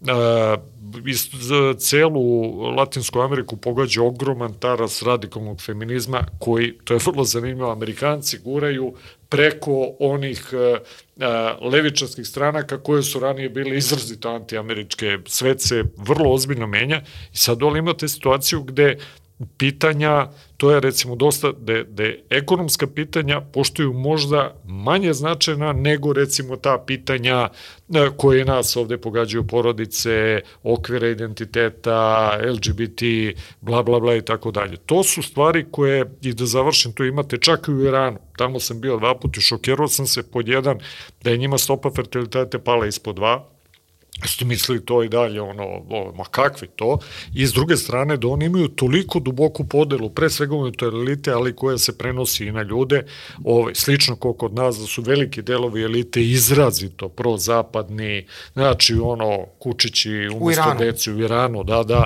i tako dalje. Tako da ću kažem da ove stvari priče i, i taj neki, ajde da kažemo, osnovna podela na dve partije, na one koji su za odbranu zajednice, neke tradicije, kakva god ona bila, i u krajem slučaju čoveka, jer pazite, imamo Hararije i celo ovu priču o prevaziđenosti čoveka i transhumanizmu, čim treba branimo pravo čoveka njegov opstanak i na očuvanje izvesnih prava u odnosu na životinju ili mašinu, na primjer. Što sad već idemo u pravcu da, mislim, zašto bi čovjek imao neka posebna prava u odnosu na drvo i tako da. Šta više, u Skandinaviji na univerzitetima je potpuno ok da vi pričate kako je čovjek jedna abiracija u razvoju prirode koja troši resurse i bi bilo sasvim poželjno da se čovek ukine i da ovaj priroda nastavi da funkcioniše. Mislim, živimo u jednom od najlućih svetova ikada. Da, Matrix 1, e, ostaće oni probuđeni i neprobuđeni, je tako? Ali u Nemačkoj upravo sad na dnevnom nivou kaže da će moći da se menja taj... E, Nije na dnevnom, ali, jednom godišnje može. Jednom godišnje? Tako je. A, dakle, dobro. Ajde da kažemo ljudima, pošto to ovde da. naravno nažalost nije propraćeno adekvatno, ali je važna, Jeste. važna priča. Dakle, e, ja ne znam, to bi trebalo da je prošlo u parlamentu Jeste. ili traja rasprava, dakle, ali proće definitivno jer ova ova čudesna koalicija koja je na vlasti i usrećuje Nemačku po svim pitanjima, dakle, donala odluku da više e, nije neophodno da vi, da biste promenili svoj po, pol, ne može, odnosno gender, Dakle, gender, gender. da promenite svoj džender, ne morate više da se mučite da ovaj, ono, uzimate hormone, spremate se za operacije, što kaže, puštate sise da vam porastu ili se sečete i dole i tako dalje, nego da odmah se vi prosto osjećate takvim i da odete u adekvatan biro, dakle, koji će biti za to zadužen i da izjavite da vi od danas niste bradati Tiosav, nego ste bradata, ne znam, ono, Mileva je, to bi bilo onako kom može. Kompatibilno. Mi smo, inače, to je ovako, ovaj, moravci, ovaj, seljaci iz uh, Kruševca, tako, tako da imamo pravo i mi samo ova klasična, znači, ovaj, imena, Ime, ma, da. Majka Vuka, Mileva i to. Tako.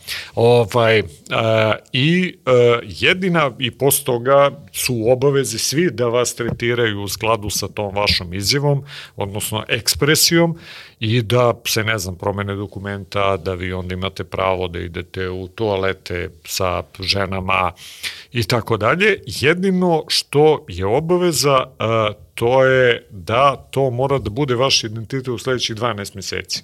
Dakle, ne možete baš svaki dan ili mesec, znači, lična nego... karta na 12 Nemci, meseci može da se menja. To Nemci su ozbiljni ljudi, ipak to kad uzmete, ne možete baš svaki dan, nego morate godinu dana. Posle godinu dana, naravno, možete dodati da kažete ja sad više nisam, ne znam, Mileva, sad ću biti Cis Marko koji prelazi u Jovanku ili, ili Dej, na primjer, to je moj omiljeni da ono ste više struka ličnost, da to isto mora da se registruje. I tako, ba, nije smešno, dakle, kod nas uvaženi ovaj ministar za ljudska prava gospodin Žigmanov je govorio o tome da se za jesen najavljuje zakon o a, identitetima.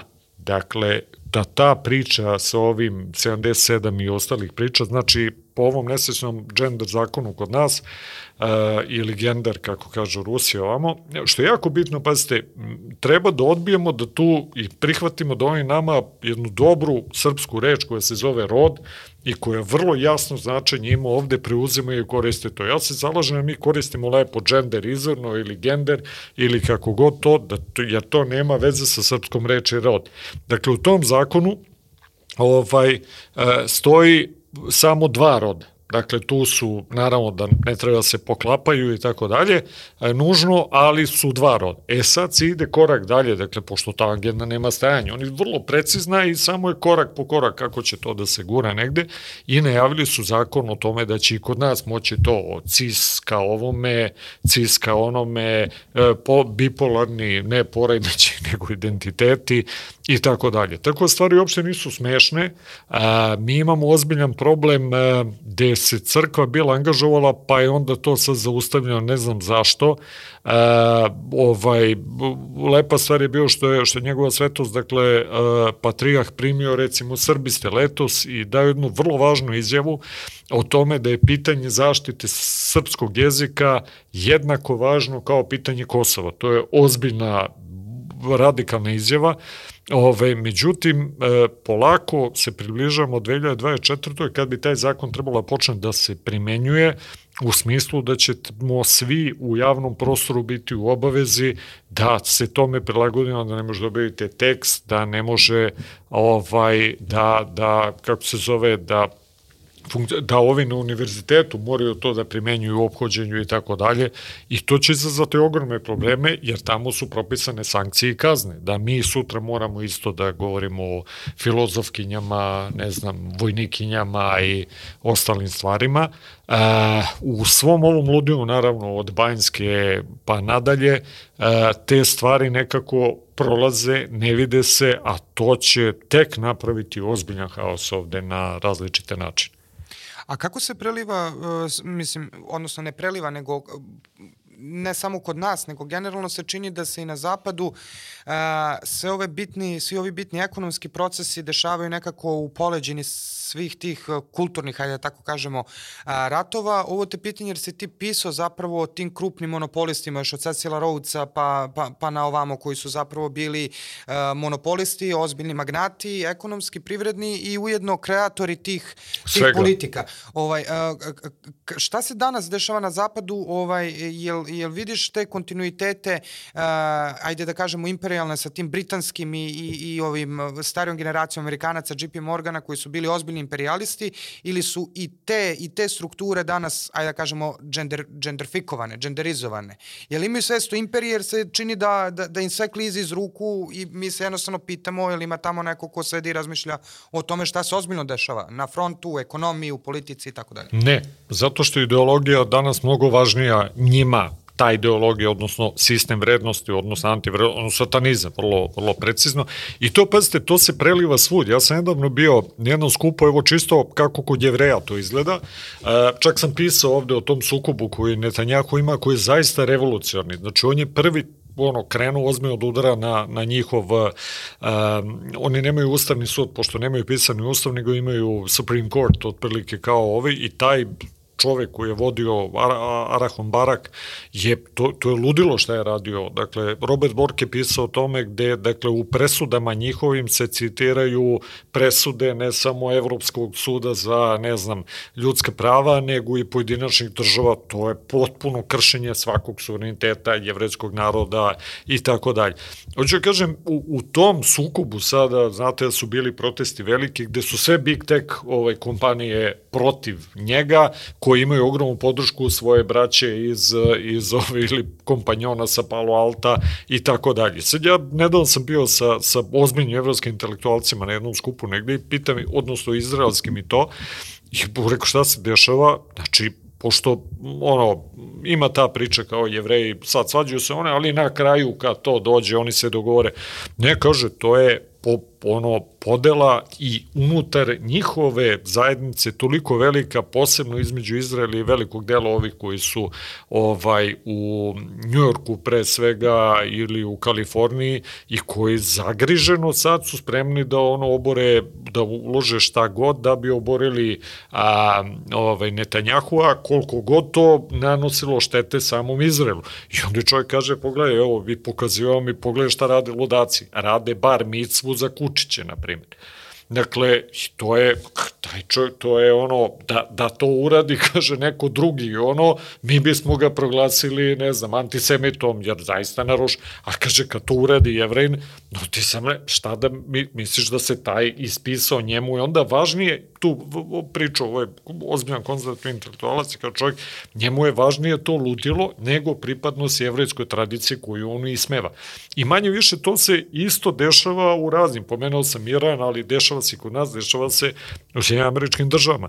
Dakle, isto gde vi imate to ludilo, ono Palo Alto koji podržava sve najveća ludila, dakle, i ponašanje Zuckerbergera i Googlea i svega ovoga, da vodi ono ozbiljnim, a, a, kako bih rekao, narušavanjima dugoročno čak i njihovog osnovnog interesa, to je ovo što ste rekli, da oni prosto globalno u svetu opadaju, ali da to nema, nema refleksiju ovo što bi imalo da kao daj da sednemo, da vidimo kako da se reorganizujemo, pošto jel, Britanska imperija više ne može, kao što je Sosi Roz da, da bio, ajde sad da vidimo kako da nađemo način da, ne znam, ovu novu silu Ameriku iskoristimo za što su oni faktički radili preko fondacija, preko recimo Tavistoka, Stanforda i tako dalje.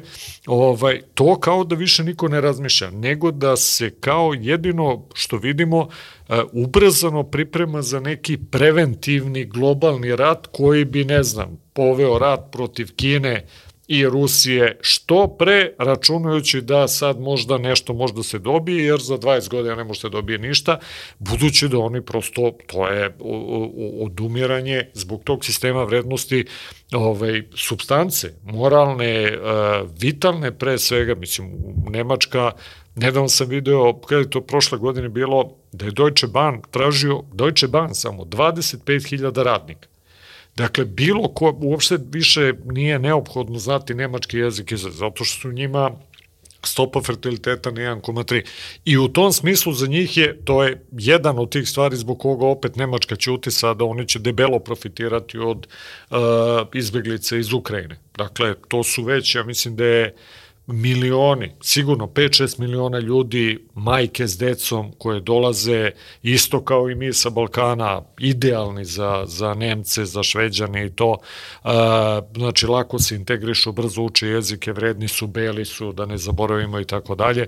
Ovaj, I u tom smislu oni sada faktički crpu istočnu Evropu, pre svega Ukrajinu i Balkan. Balkan je razvaljen de, demografski to ovi popisi koji su poslednjih par godina bili, koji su svi lažni, to je isto jedna strašna stvar, svi lažu na popisima. O Bosni da ne govorim gde je to ozbiljno političko pitanje, pa tamo već ono, niko, svako ima svoju neku evidenciju, nema veze sa životom. Imate recimo na Kosovu, ove, to je genijalno, oni u novorođene upisuju decu e, iseljenika s Kosova koja se rodu u Nemačkoj i tako dalje i tako pokušavaju da buđe ovaj neke brojke, ali je tamo katastrofa. Samo u Nemačku se u poslednje dve godine iselilo 200.000 ljudi ovaj, sa, sa kosmeta. Evo od 1. januara 24 ako bude bila ova Da, da, vizna liberalizacija da. treba da dođe, to oni će svi da, mislim, bit će ko ono ko je, da li otac tada ili ko ima ono pročanstvo, kako će Kosovo samo se isprazni. I Kosovo se zaista prazni od Albanaca, ko se nastavi ovim, jer ovi uzimaju sve živo, mislim, ovaj, e, Hrvatska je pala na ispod 3 miliona, to je neosporno, u Makedoniji videli ste je bilo, stali su na 1,3, pa su onda dve nedelje nešto bučili izasli sa 1,8, mislim, nema veze sa životom, ovaj, e, Crna Gora popis će biti od 1. do 15. novembra i to je bitno pitanje za nas, egzistencijalno i političko. Ovaj, ja mislim da dole nema 500.000 ljudi ukupno. To je od čega veliki broj čine Rusi, Ukrajinci i Turci. Tu imate finu tursku zajednicu u Budvi, u Kotoru, oni drže puno ovih gulonista koji su pobegli onako, ljudi vrlo preduzetni, organizovani, če ja sam bio u šoku, u, u ovaj, nisam bio u Budvi jedno vreme i sad leto sam bio gost tamo na nekim programima, vidimo ono, ovi ljudi drže sve u starom gradu, od pizzerija, onih radnje za suvenire, znači onako turski sladoled koji se prodaje. Ja, prave bar one sladoled, ono, da, da, kako ne, kako ne, ono, peva na, na, na glavnoj onde kod Trokadera malo isto. Sad ga vidiš, sad ga ne vidiš. Sad da, da, da, ono ima majstor pravi, ono, super je za decu, to onako ide turska muzika, onako tako da je jedan multikulti raj. Crna Gora inače potpuno ludilo sad sa odlaskom Đukovića raspao se svaki poredak i to je ne samo što ima napravi vladu, nego to više ni na što ne liče, vidite recimo parkiranje u Budvi, to je kad ne, država ono, abstinirala onako, tako da možda kopate tunele do tužilaštva, može šta god možete radi. To je jedan Disneyland onako veliki ko ovaj, ovo što je Grujevski napravio dole u, u Skoplju, tako da ovaj Balkan svašta ima, jedino je problem što se praznimo od ljudi jako mnogo, ovaj, ali mislim to je, to je opšti trend ono u Evropi i to je ono što ste rekli, po neko sistemski crpi substancu, jel, pazite, ideologija koju oni promovišu ovde, su sistem antiobrazovanja, ovaj, je takav da on ne može da proizvodi decu. Ako vi učite ljude da treba da, ono, ne znam, ulažu. Pa rekao sam to skoro, ovaj, u Italiji veće političko pitanje a, porez na ono PDV na, na hranu za kučiće i mačke nego na decu. Ono, I to kad dođete dotle, onda je jasno da ta civilizacija propada.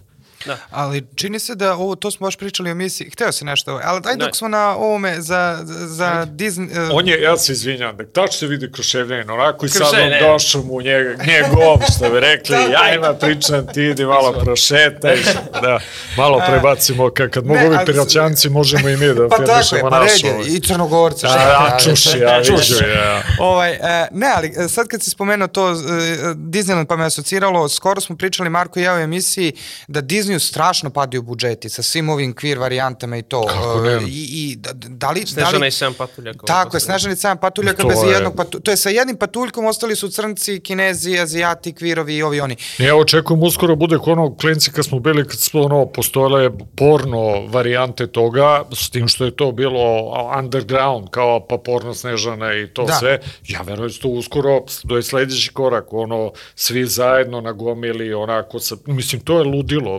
izvinjavam se što sam prekinuo, ali... Ma ne, ali da, ali baš apropo toga, ljudi znači neće da idu u bioskope to da gledaju, spomenuo se da je Amerika nivici građanskog rata, ako se nešto ne desi u centru imperija, neće nigde, jel ti ocenjuješ, ili vidiš da se tamo, naročito sa svim ovim, uh, sa ovim hapšenjem Trumpa, sa, sa progonom Takera Carlsona koji je sad napravio bum na, na Exu. Ove sudi Ismana, dakle, ovoga, odnosno tužioca, to je ludilo, onako, ja redovno dobijam mailove gde čovjek traži ovaj, da ono se skupe fondovi da ga brane, jer to, to je ludilo, mislim, ovi su krenuli uzgred, a, celu kompa, ovaj, kampanju Dump Disney je pokrenuo naš prijatelj Brian Brown, ovaj, koji i odnosno Svetski kongres za porodici. To je ekstremno uspešna kampanja jer je dovela dotle da je ovima, ja mislim, za 20% pao, pale su da. zarade. To je strašan udar. Onda je pritisci još ovih stakeholdera i akcionara koji kažu ste vi ljudi normalni to. Međutim, uprkos tome oni ne odustaju. Pa je nedavno bio, propratili ste ovaj, kako zove, Čudesni svet ili ovaj prvi gej film koji su imali, gde su braće u pazaru lepo, ove, to je, to je u sistemima u kojima pravo više ne funkcioniše. Dakle, a i Amerika to postaje. Dakle, kod nas mi smo isto pisali, organizovali se ovde ovima što prikazuju da to makar neće im da ti odgovori. U pazaru su se ljudi lepo organizovali, otišli sa sve u lemom i ljudima koji rade u kulturnom centru gde se ono, rekli ovo ćete da skinete ili će biti problem. I ovi ljudi to skinuli. U pozdrav za Novi Pazar, dakle, gde su ljudi uspeli da ovaj E, odbrane svoju decu od propagande i to je onako pošlo ispod. E, hoću da kažem i to je sad ljudi nalaze različita sredstva da se odmogra i ne pozivam na nasilje, mi smo protiv nasilja i tako dalje, ali ovaj, došlo dotle prebacujem na Ameriku, gde vi imate sad potpuno ludilo, na primjer, čisto se vidi, to je, oni su naravno čuveni pod vojnim standardima, mi možemo o tome da pričamo koliko hoćete, ali oni to sad primenjuju na sebe.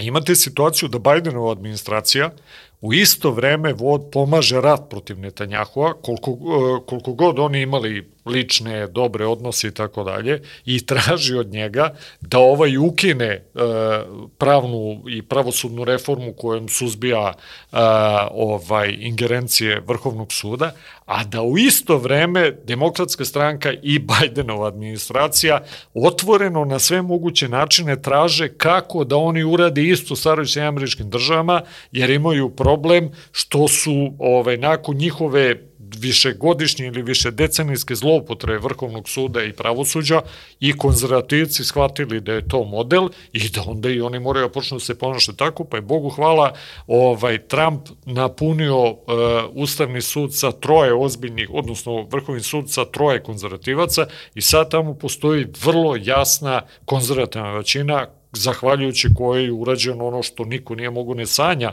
da će se uradi, a to je da je a, oborena presuda Roe vs. Wade, dakle ovo Jones prošle godine i da je konačno vraćen, to ljudi treba shvate, dakle oni nisu ništa uradili, nego su vratili normalno funkcionisanje ustava Sjednih američkih država u kojem je vrlo jasno postavljeno da je pitanje abortusa reguliše svaka pojedinačna država za sebe. I to sad svaka rešava, jedna je zabranila, jedna je dozvolila i tako dalje. E, nego ono što njih tu posebno pogađa je što je načina kako je pisana ta presuda koja udarila na ono što se naziva pravo na privatnost, dakle koju oni vrlo a, ideološki su postavili i sad da skratim priču, smatra se da je to osnova i za buduće obaranje presude Obergefell, dakle kojom je isto na silu ubačena homoseksualni brakovi da važe na celoj teritoriji Sjednih američkih državi. Sad su vi u panici, ovaj, ne znaju šta da rade, jer ne, ne mogu tehnički to da, da ne, prosto ne mogu da smene sudije, on je for life tamo, ove, što bi rekli doživotno, e, i onda se vrte sve moguće gimnastike, da se donese zakon a, ovaj, o jednakosti, dakle, koji bi bio vrlo jad, i da onda svaki put kad ovi nešto obore, da oni probaju to da zakonom regulišu za neko vreme.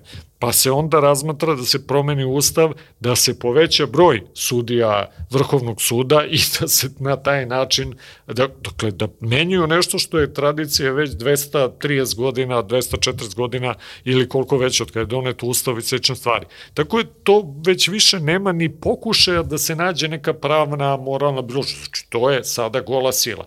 I to ljudi počinju da razumeju i ja, a Amerika je naoružena do zuba. Dakle, to je ovi republikanci, mnogi od njih uopšte ono ne smatraju da je ovo legitimna vlast.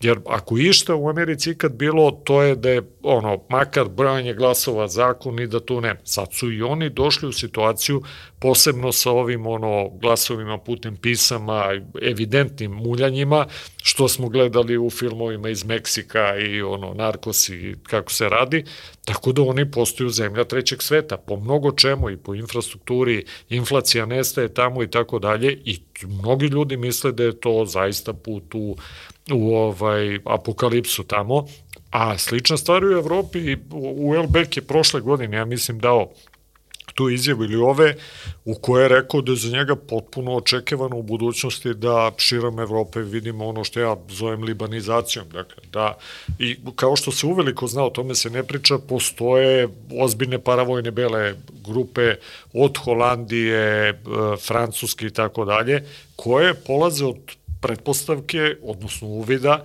da njihove uh, države i policije više ne mogu da ih zaštite na celoj teritoriji. Kao što znamo, nogo zone, dakle, od prvog arondismana u Francuskoj i ono pa nadalje do Švedske recimo ovaj gde je policija rekla mi ne odgovaramo za te i te delove država nek vidi šta hoće i skoro je bilo Italija i, i Nemačka takođe da za Berlin Aleksandar Plac i ispred Milana, da prosto država vodeći takvu uh, liberalnu politiku prema narkomanima, na primjer, da ono mogu da maltretiraju ljude u shopping zonama i tako dalje, i da je ovim ljudima sprečeno da rade svoj posao, dakle da uvode red, onda policija izađe i kaže mi više ovde ne odgovaramo, država, odnosno vlada smatra da to treba da bude i vi ljudi vidite onda kako će. To je direktna poruka onda, ok, je li takva situacija, država neće da štiti policija moje države koju ja plaćam, jasno kaže da joj neko ne da da radi svoj posao i da meni obezbedi pun zašto. Dobro,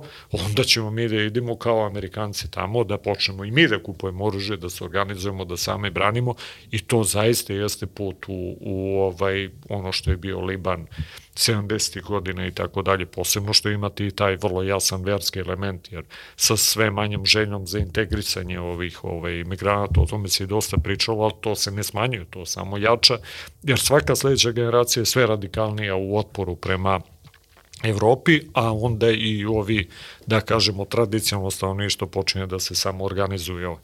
Tako da mi sa južnim vetrom smo ovaj opet ispred svih u ovaj da kažem a, a, ovaj razumevanju budućnosti evropskog prostora.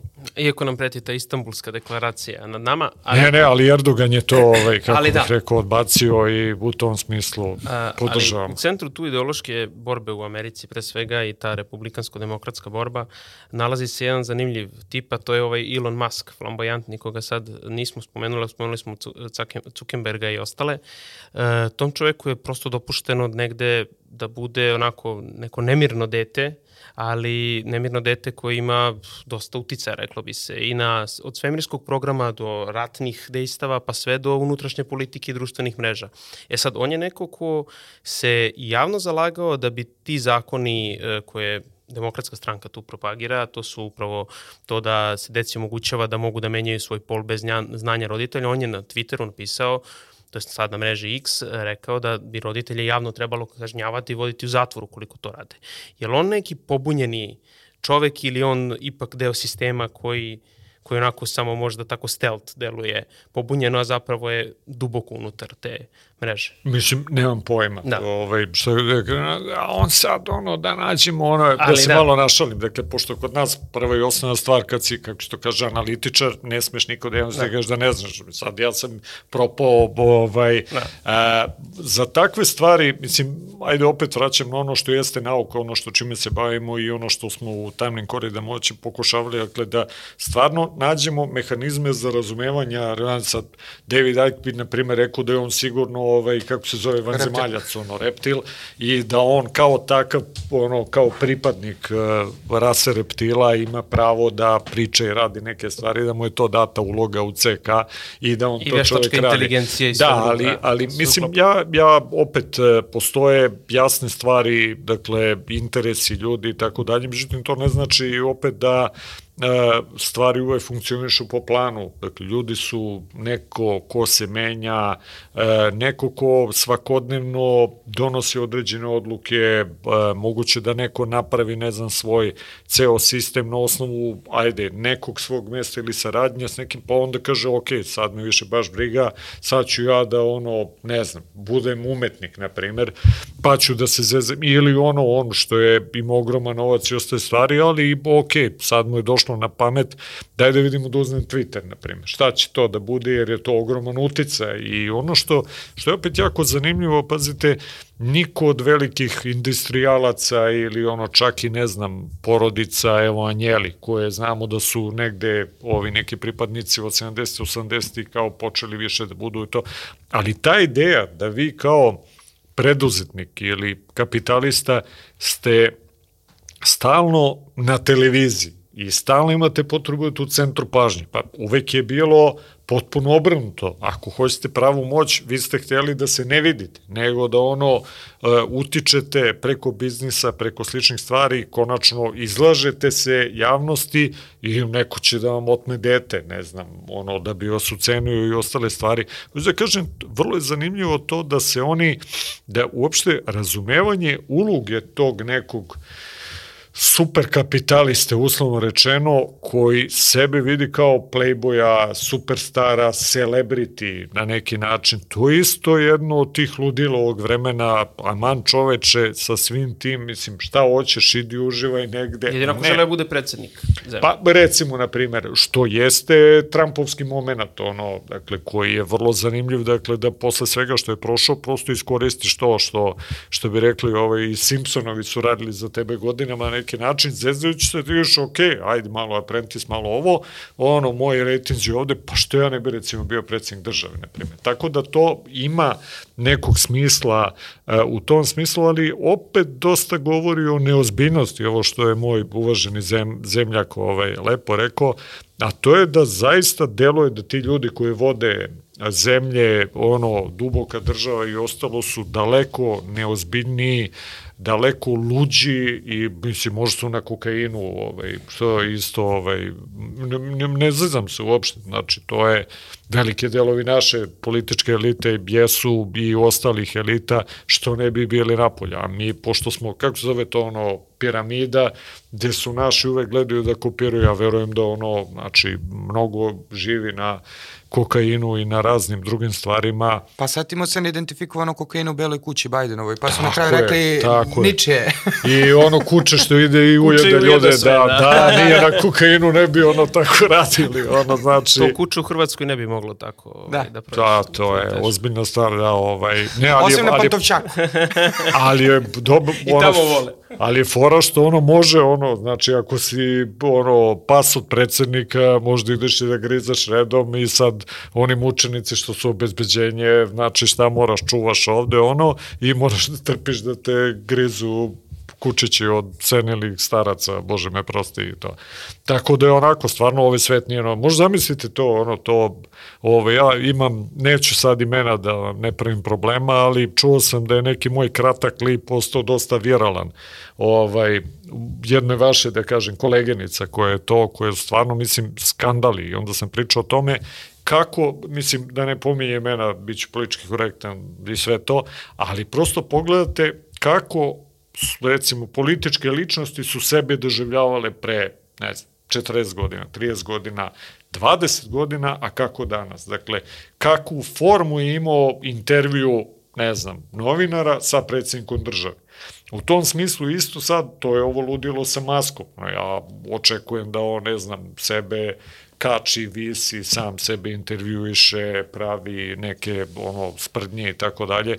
I to je zaista ono sramota, jer, jer prosto ovaj narod ipak, sve, sve postaje zabava, sve postaje ritualno, virtualno, ali to onda je ludilo. To, mislim, zbog toga su crkve prepune. Mislim, to je jako bitno u Beogradu, a čujem po drugim gradovima, vi To, to, pa, Bogu hvala naravno, ali to jeste s jedne strane naravno potreba ljudi da se vrate identitetu, da deci pokažu neke kontinuirane vrednosti, da ih sačuvaju negde moral, ali s druge strane to je, to je jedino utočište od ovog a, ludila koje penetrira u sve delove društva, počeo od politike, institucija, parlamenta, do, ne znam, medije i društvenih mreža i vrlo je, vrlo je ono teško sačuvati se danas i ovaj, biti normalan i, i ostalo ovaj, a, I posebno kad imamo zahteve kako beše, za Kruševac ništa nije dovoljno dobro ako nije tako. najbolje. Mi tako. dolazimo iz grada u kome to stoji ovako gore sve, tako da postavljamo sebi samo najviše ciljeve svi, a to onda pravi probleme, jer onda, mislim, daj da se vratimo malo u normalu, daj da probamo da ne moramo da jurcamo svi ono, daj malo, što kaže, da vidimo čev, i to je opet ono što ljudi, zato idu u crkvu, zato se, da sačuvaš decu i da sačuvaš neki mir i neki, neki smisao u životu i, i ovaj, nije sve use nas i podasi. Hoćemo privodimo polako kraju. Može, može. Um, Ali ajde pre nego što samo završimo da malo, da, južni vetar da spomenemo, jer mi ovde ličimo narodnu kulturu, ovo, iako je to sad već možda Malkica i Bajata priča, ali eto ti pošto si šef instituta, knjige i dalje u prodaji da... Gazda je, e, da, još da, malo, da, ovaj, Bogu hvala. Šef, ovaj. direktor, da. Da, da, šef, si šef. Je, ne, meni je ponaviti šef, ali dobro, da, A, direktor instituta, ovaj. Um, da, ovaj, odradili ste jedan fenomenalan zbornik na Institutu za evropske studije o južnom vetru, evo mi smo ugostili Ognjenu Pušinu i Stevu Gajića, sa Ognjenom smo do duše pričali o tome, tome sa Stevom nismo, obojice su priložili tekstove, šta možeš da nam kažeš o značaju uh, ovaj, tog fenomena i tog zbornika? Pazite, to je jedna jako bitna priča. To je opet jedno od tih ludila naših, ono koji je ideologizovano na jedan pogrešan način. Uh, ja jedna od stvari za koju se zalažem uh, i to ozbiljno, pa ajde, pokrenut ćemo pa možda neko to uspe da realizuje nama, nedostaje jedan dobar muzej narodne muzike. Dakle, on može da se osmisli na različite načine. Možemo tu da stavimo od, ne znam, nasleđa, da kažem, paganskog pevanja, preko priče iz vika. Mi, mi imamo toliko bogatu izvornu kulturu. Srpska muzika, dakle, od, od same centralne Srbije, gde vi negde u našim krajevima se lomi taj deo kako se zove, gde je dul mora, dur i, i mola, gde počinje neparni ritmovi i to, već je Niš onako ozbiljniji prelaz, pa onda ide jug dole ka Makedoniji i ka, ka svim ostalim srpskim krajevima, dakle, ovaj, gde je prosto To je, a, a da ne širimo onda na sve ove krajeve, srpska, srpsko nasledđe iz, iz, ne znam, Jasenovca, nedavno su objavili jako lep disk uh, pesama srpskih iz baš Jasenovca, nema veze sa ono, ovaj, stradanjem i tako dalje, nego prosto kultura, to su živeli ljudi koji su posle pobijeni i tako dalje. Preko nasledđa Dalmacije, svega, da mi imamo toliko jednu lepu, bogatu, izvornu narodnu kulturu, koja je posle u kasnim fazama, kad je dolazila sa raznim oblicima modernizacije, proizvodila neke neverovatne stvari. I recimo filozof i, i, i pevač, ovaj, Narakorda, bivši Jovo Cvjetković, ovaj, me tu već podstiče da to je stvarno vrlo zahtevno, ja ne znam da li mi imamo kapaciteta ili to da se uradi recimo ozbiljno naučno istraživanje o tom građenju kanona ove nove narodne muzike ili novokomponovane koje je rađeno posle drugog svetskog rata, dakle pre svega radio Beograd i radio Novi, eh, rad, eh, da i radio Novi Sad, ali važnije radio Sarajevo gde je opet jedan smederevac, Jovica Petković, bio glavni harmonikaš i koncertmajster i tako dalje, sa svim onim velikanima i muslimanima i srbima, dakle, koji su pevali čuda tamo uz Dragišu Nedovića. Pazite, samo to, to nije urađeno nigde. Dakle, postoje pomalo, recimo, a, Marija Dumnić je radila odličan doktorski rad, objavim predno 4-5 godina i to baš tamo je iniciralo promocija te njene knjige kod nas da krenemo tu priču oko Južnog vetra. Uradila vrlo lep pregled između dva rata, kako je radio Beograd e, tretirao narodnu muziku, ali ovo, sve ovo pričam, Mi, evo, juče je bio koncert Lepe Lukić. Mi nemamo, nemamo knjigu Lepo Lukić. E, nemamo Lepoj Breni, koja je ona sledeća generacija. Dakle, to, to su neverovatni. Od Ceci ima ponešto ovaj, ne Ognjen Lopušina, nego ovaj, onaj drugi novinar, stari e, Lopušina radio, dakle, ali ne ozbiljno ovo što smo mi probali da uradimo, dakle, da jedan fenomen muzički, koji nije samo muzički, obradimo i svih tih stvari. Dakle, moje zalaganje za to da, da počnemo da to je fenomen koji je ono, jedan i veliki kulturni produkt, to je toliko bogato, dakle, čak i u ovom ludilu 90. godine ima neverovatnih stvari, recimo, ovaj, od, ono, pomenem Vesnu Zmijanac, dakle, inače, fenomenalnog pevača, sa Ferusom Mustafovom, sa, tu, tu su toliko eksperimenti bili i bogatstvo muzičkog zvuka i tako dalje, ovaj, da to treba za početak negde, ja verujem da to bio najposećenijih muzeja, šta više, verovatno najposećeniji muzej ovaj, iz regiona i svih ovih ljudi koji smatruju to ozbiljan brend koji je pre svega vezan za, za Srbiju, Beograd i tako dalje. Dakle, se, a sve ovo do, ne znam, Granda, do, ce, ceo ta istorija razvoja da se uradi. I u sklopu svega toga mi smo uzeli ovaj, priču o južnom vetru koje je stvarno ne, neverovatno je bilo da ne, mislim imali ste materijala tu i tamo, ali niko nije to ozbiljno radio iz milion razloga. Postoje ta priča da pre svega etnomuzikolozi koji su najpozvaniji da to muzički urade, jer mislim Mile Baz je genije potpuno, to je ovaj, neosporno, dakle i način na koji on Ove, naravno, ne samo on, tu ove, treba pomenuti Savu Bojića, koji od početka s njim, dakle, vrhunski gitarist, inače gitarista pop mačine, pre toga, Čačani, naš Moravac takođe, ovaj, koji je sjajan gitarista, dakle, aha, sećamo se, menja, menjao ga je ovaj, Josip Boček, dakle, pogledajte koga je Mile sve koristio, to je zaista cvet a, instrumentalizma a, kod nas, dakle, Perica, jedan sjajan ovaj, uh, harmonikaš, dakle, minimalista, vrlo, i posle toga Bane Vasić koji je obeležio drugi talas, to su neverovatni muzičari i svi ljudi koji su radili pevači, da ne širimo priču. Ono što smo mi hteli, to je da uradimo taj fenomen koji je prvo a, zanimljiv i zbog revolucionisanja tog, tog zvuka, dakle nečega što je bilo tu negde ispod sve, oni izveli, ispakovali nejan izvanredan, modernizovali taj zvuk. Mile to sam stavio tamo, uveo ritam mašinu isto vreme kad i ovaj Andrew Aldrich, čuvenog, ovaj, kako zove, Dr. Aldrich, dakle, ono, stalni, mislim, on je menjao to posle, ali Rita mašina Sisters of Mercy počinja koristiti isto kad i Južni vetar. To je vrlo bitno prosto staviti u neki globalni kontekst i ovaj i produkcijski na svaki način način ta ideja da da ovaj a, skupite ekipu pevača i sve ljude koji su radili i konačno to je najkomercijalniji, treba od toga krenuti, oni su ljudi prodavili od 2,5 miliona do 3 miliona nosača zvuka, dakle 90, ovaj, 80. godina na tom vrhuncu, od 84. do recimo 88.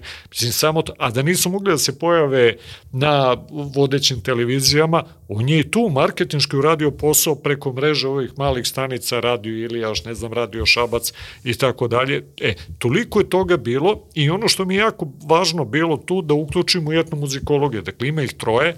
Jasmina Milojević, sjajna žena koja je radila notni ispis i nju smo najduže čekali onako jer pokazivala ono šta je Mile radio je menjao završetke kadence, dakle to je stvarno revolucija potpuna.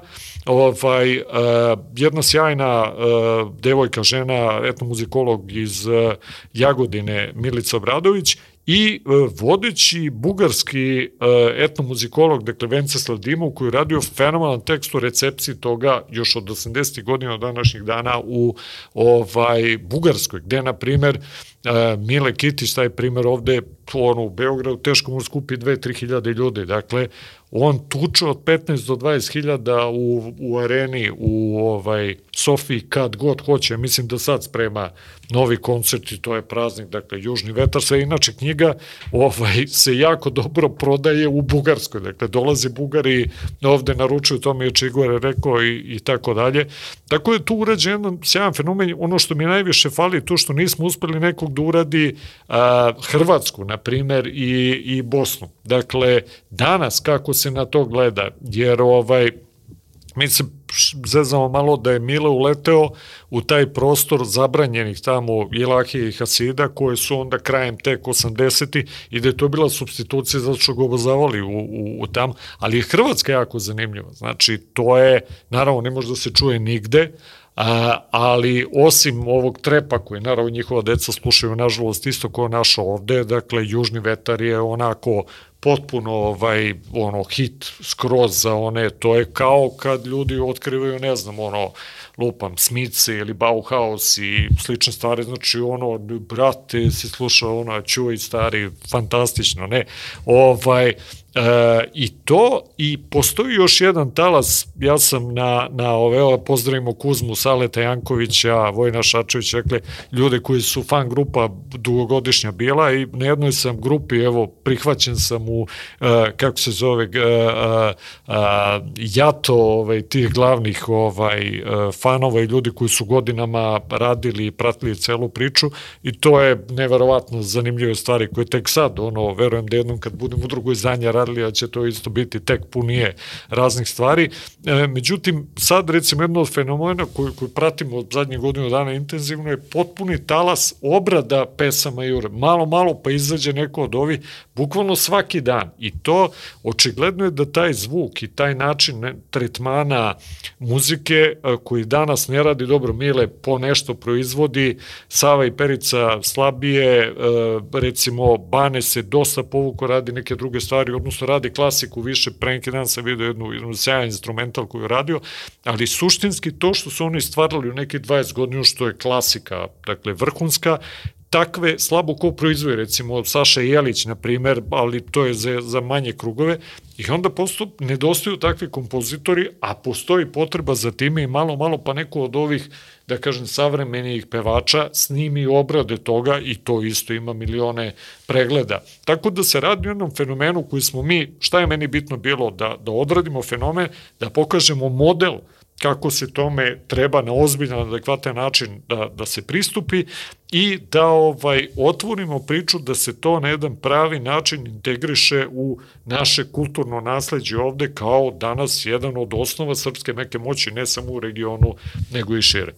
Pa bio je onaj časopis na kioscima sa pevačima Granda koji se rasprodao, znači to je išlo kao, ja ne znam, bukvalno nije, nije moglo da se dokupi koliko je bilo, ovaj, koliko vapi, vape ljudi za takvim stvarima. Diljem regiona. Znači, Da, da, da, znači, da, ko da, bude napravio kroz- Narodni muzej, to je biznis priča onda.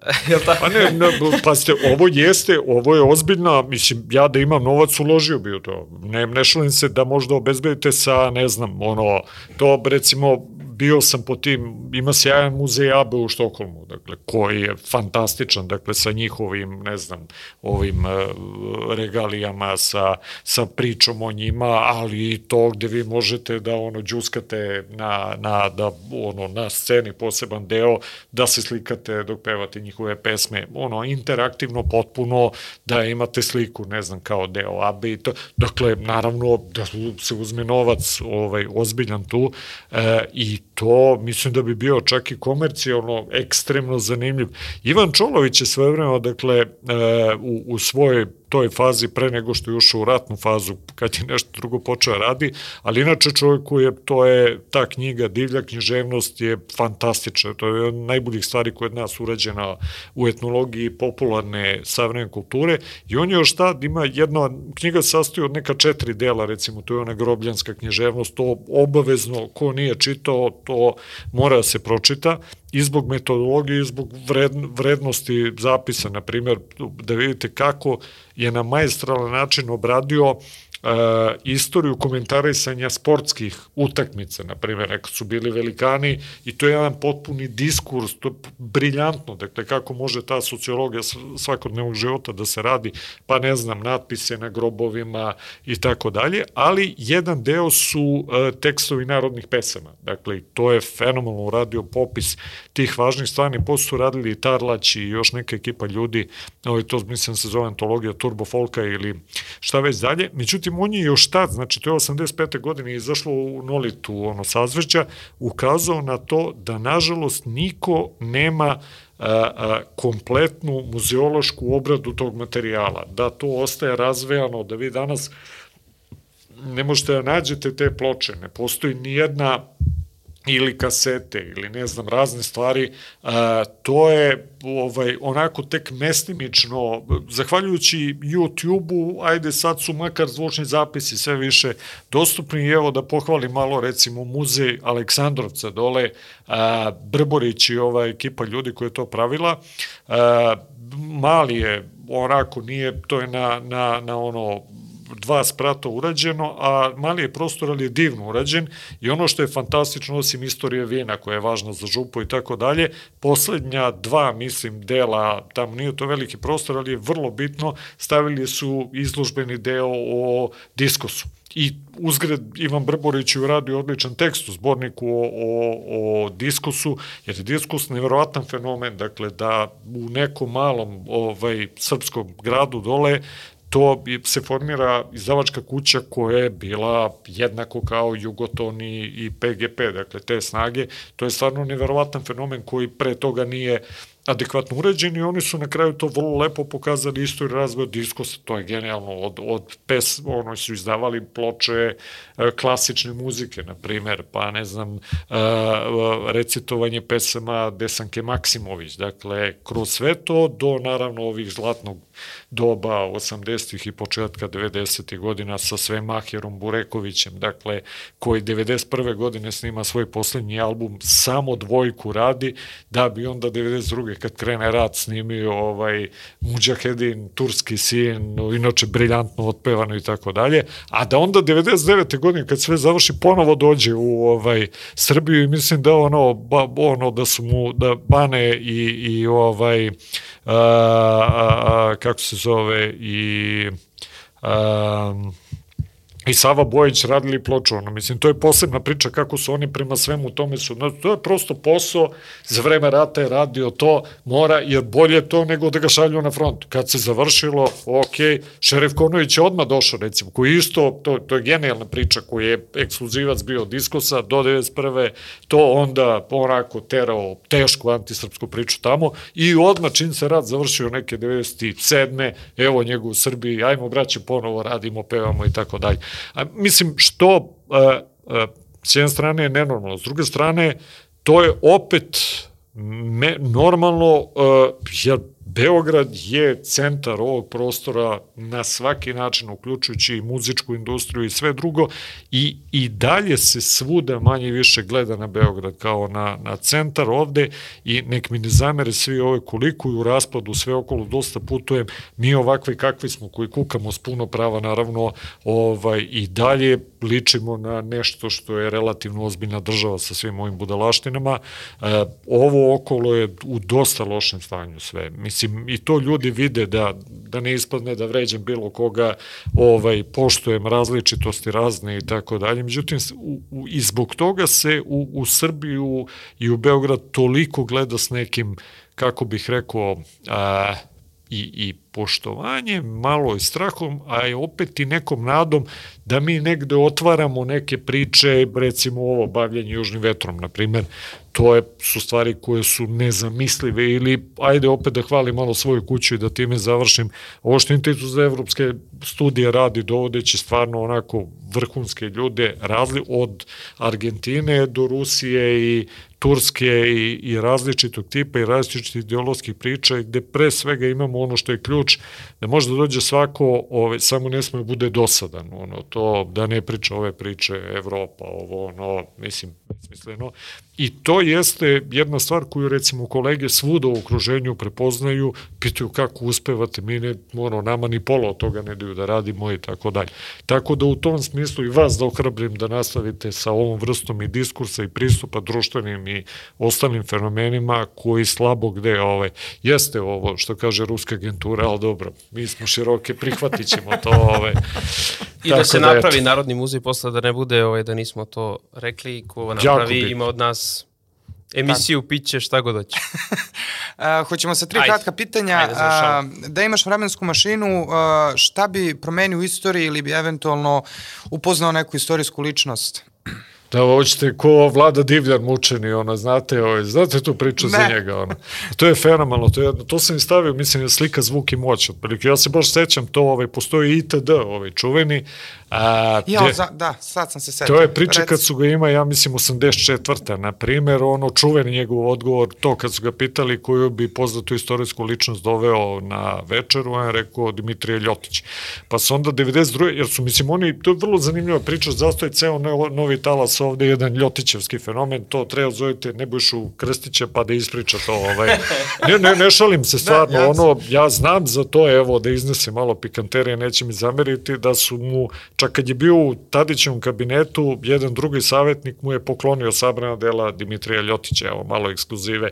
I to, ovaj, vrlo je bitno jer je prošle godine bilo obeležavanje tih ovaj 40 godina ovaj pojave je, odbrane poslednjih dana koji je onako najbolji produkt celo tog priča i napravljen je bio skup povodom toga gde mu uvaženi gospodin Krstić citirao, mada mi nije zvao, to sam mu vrlo ovaj, ovaj, ne, kako bih rekao, zamerio da se našalimo, ali recimo on bi tu priču mogao da ispriča. Elem, 92. E, godine ponovo vladu pokojnog pitaju koga bi on ponovo, kaže čovek, je Dimitrije Ljotić, ovaj, da bi posle 2000, ti mislim da ga je Tarlać ili neko radio, a da te pitu, nemoj, kao to, da, da, ovaj, da se našalimo, pa mislim, ne znam šta da vam kažem, toliko toga ovaj, ima, ja sam sad pod utiskom ono iz Rusije, pa mi je to u glavi, ovaj, ajde, i opet ovo, Mile, Mile je živ, pa sam imao prilike da ga upoznam i da ovaj, par puta odemo na ručak, recimo to je jedna istorijska ličnost koju sam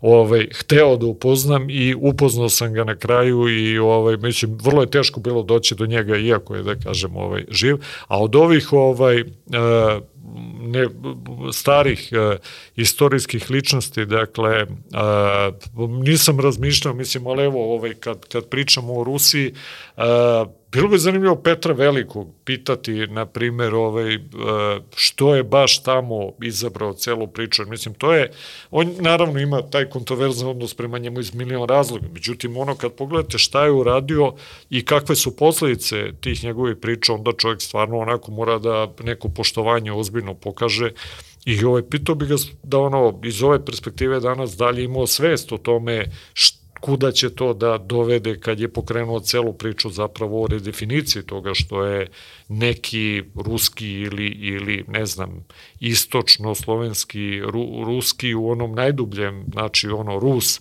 identitetu, imperialni ovaj model koji je vrlo zanimljiv i koji ono evo e, u Ermitažu e, ponovo na na unoj centralnoj sali stoji presto Romanovih tamo gde je bio i pre sto i nešto godina, što je vrlo zanimljivo onako, on će fantastično deluje crven skroz i tako dalje. Da. Dobro. Drugo pitanje, e, mi ovde često komentarišemo šta je u YouTube trendingu, odnosno šta je najpopularnije ovde kod nas gledano na YouTube-u, pa eto, šta bi voleo da vidiš na e, YouTube-u da se najviše gleda iz Srbije kao indikator nekih dobrih trendova? Pa dobro, to je nerealno, dakle, ono, trap muzika i ono, Funny Cats video, što kaže moja deca, onego ga je gledaš, ko gleda, sedni gleda Funny Cats videos, to prosto YouTube kultura je takva da traži ovaj ono što brutalnije, što više seksa i ne znam, golotinje i to to je prosto e, nažalost nešto što deluje na instinkte i to ima najviše interesovanja, ali s druge strane voleo bih da da ima više ovakvih podcasta. Ajde da kažem i da oni imaju, mislim, nije to mali domen i dobro je što se šire na neki način i sve veće, to je recimo vrlo zanimljivo, mislim i globalno je da ovi, ovi klasični mediji sve manje utice faktički imaju.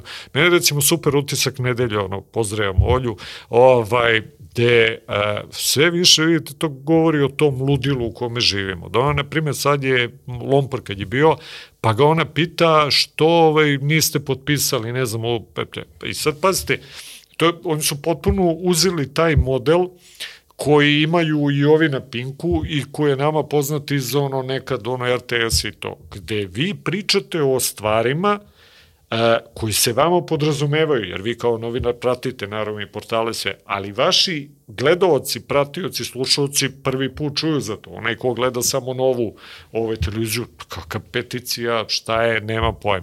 I to mi je ludilo, da tu uopšte nemate svest o tome da ljudima svojima treba da objasnite da kod vas nije bilo. Zato što je sve potpuno brutalno ideologizovano na taj neki način i u tom smislu volio bih i drago mi je da ima sve više ovakvih podcasta koji ono budu i duhoviti, zanimljivi i drugačiji i mislim opet šteta što veliki broj uglavnom starijih sugrađana koji su navikli prosto na televiziju, gde će on ide na internet, ne može ovakve stvari da vidi, ne može tu vrstu informacije, ali s druge strane prosto to osvaja negde celu priču i, i ovaj, e, pozdrav za Borisa Dežulovića i sve ove, dakle, to veliki kvalitet daju ovoj našoj borbi, rezultat toga je ono što na kraju, mislim, da vam kažemo, naravno, rad samog Đokovića, onih ljudi, košarkaša i to, to je preiznad svega, ali činjenica da oni, pogledajte, sa sve braćom iz sindikata, dakle,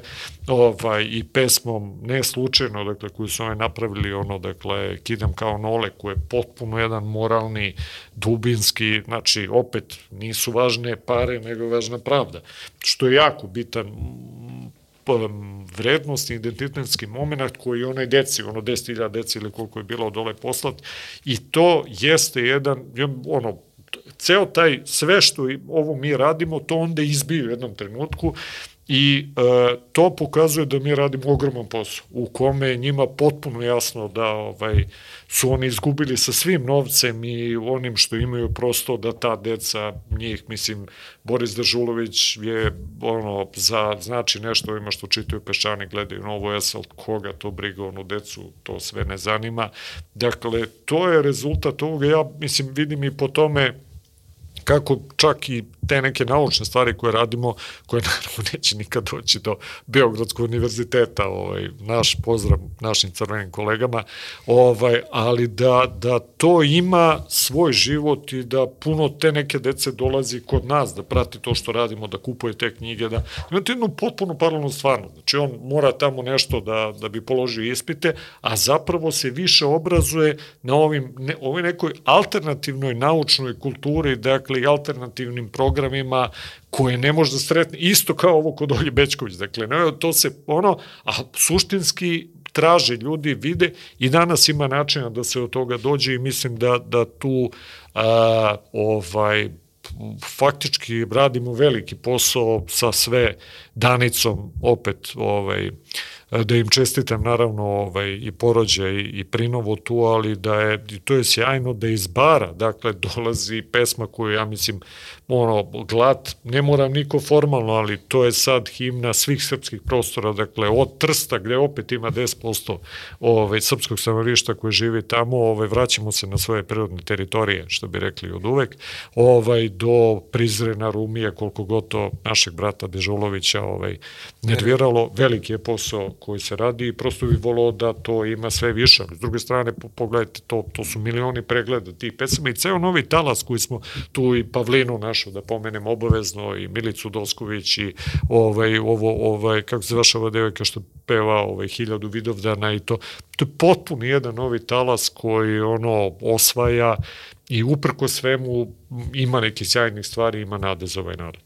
Pa evo i Breskvica sad na kraju superfinalu ode na Pink pa peva Govori gospode i peva Veseli se srpski rode na ovom Music Weeku, kako se zove. Dakle. U potpuno jedno do duše to, ali to je, to je sad, ja verujem da je to, to je to publici... subverzivno, subkulturno, pa malo provučemo. Jer ti klinci hoće, sluši s jedne strane trep, to na stranu, a sluši Veseli se srpski rode. Ali onda izađu srpski zastave. Ne, i mislim, dobro, trep je stvarno ono jedna, ono, bože me prosti, dakle, ceo taj, uh, kako se zove, diskurs pre svega na stranu, takozvana muzika, ali to, to je je koji je preuzet naravno od američke, ono, još od 90. godina, a danas je to eskaliralo preko Niki Minaži i svih ovih ludaka, to je baš ono, potpuna seksualizacija, brutalna, ne znam, kriminal, droga, znači u tom smislu imam skandal, on, katastrofa to, ono, gori more, tope se planine, čist konzervativizam, ono, iz 90. godina, ono, najozbiljnije, dakle, međutim, mislim, to, ono, donosi pare, lomiš se, ispod toga na kraju ta deca, to je,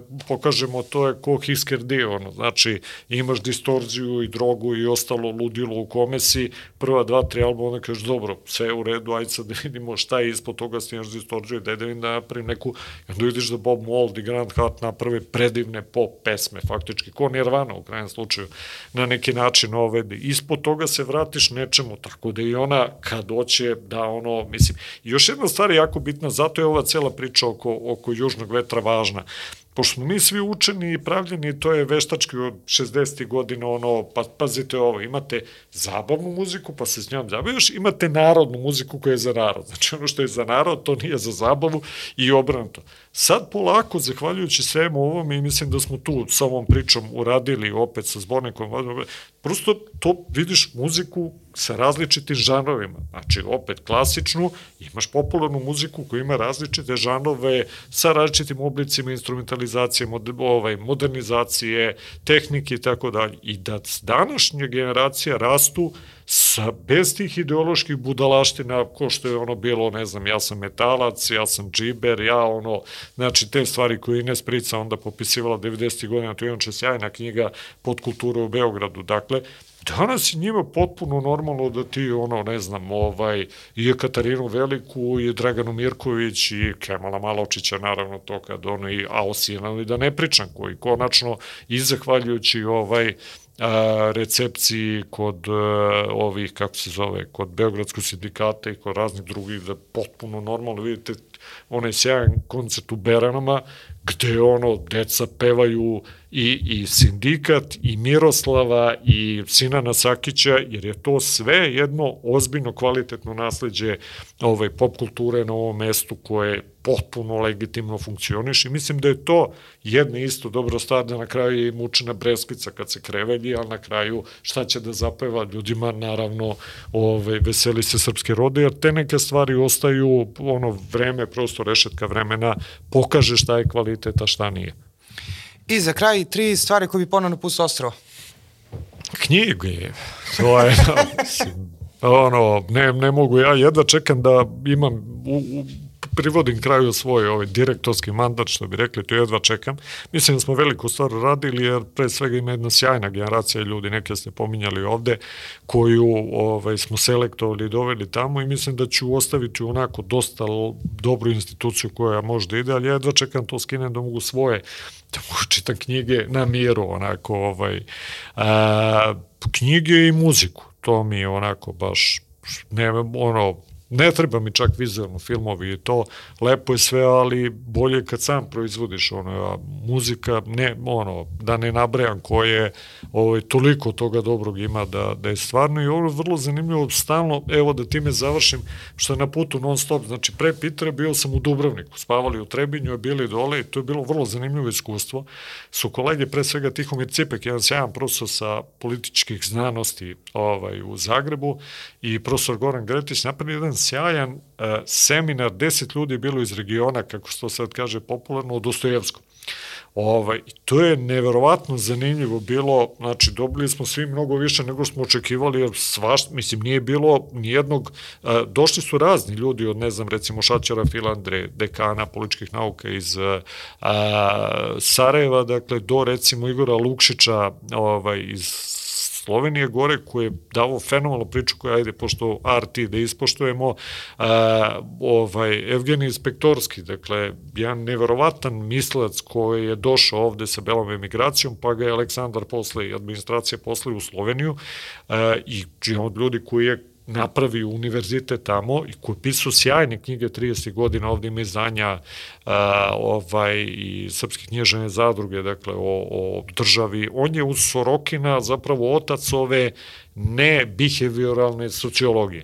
I sad imate fenomenalnu priču, Lukšić je predstavio ceo njegov rad i istoriju o kojoj nisam dovoljno znao zaista, ja čuo sam samo za čoveka, ovaj, i onda predstavio ta njegove istraživanja o Dostojevskom, to je bio povod cele priče, ali posle ono je priča kako je zanimljivo da sada a, rimokatolički intelektualci u Sloveniji od 2019. godine intenzivno otkrivaju njegov rad i njegove spise tamo i koriste kao antidot protiv Žižeka i ovih ono njihovih kolumnista, da ne kažem komunista, ovaj, a, i Tako da je neverovatno zanimljivo bilo slušati i videti kako, ja sam recimo uzeo zapis iz mrtvog doma kao povod za analizu o celoj zatvoreničkoj civilizaciji, dakle kako mi gledamo na, civiliz na, na zatvor, dakle šta je danas e, do onog što ga Agamben otvara, da li se ceo svet pretvara u neku vrstu globalnog nadziranog zatvora i tako dalje.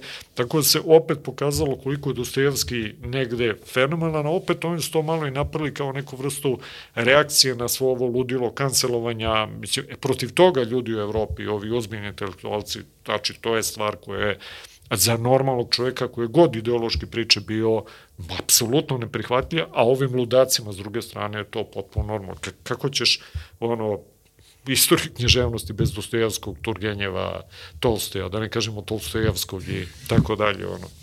Ove, tako da, da, knjige i muzika i toliko od mene. Sjajno. Hvala Mišo, puno hvala, Miša na gostovanju. Hvala, Hvala ovaj, ljudi. hiljadu jedna tema, bit će prilike, nadam da. se, ponovo da razgovaramo. Neka neko vreme, ono daj Naravno. malo da odmorim sve, ima, mogu i druge, šalim se, hvala vam na pozivu i, i strašno su bitne ove stvari. Dakle, ja će to pogleda 5000 ljudi sad ili 50 ili 5 miliona, ali je važno da imamo jedan kontinuitet ovih produkata i jednu potpuno uh, paralelnu stvarnost u odnosu na ono ludilo spinovanja koje gledamo na obe strane političkog spektra danas i to je sve grđe, ali vidite da ljudi tu, tu šlajfuje, zato su ovakve stvari jako važne i samo da vam poželim da ovaj nastavite i ovaj da, da o, emisije budu kao i do sada zanimljive i posticajne i provokativne.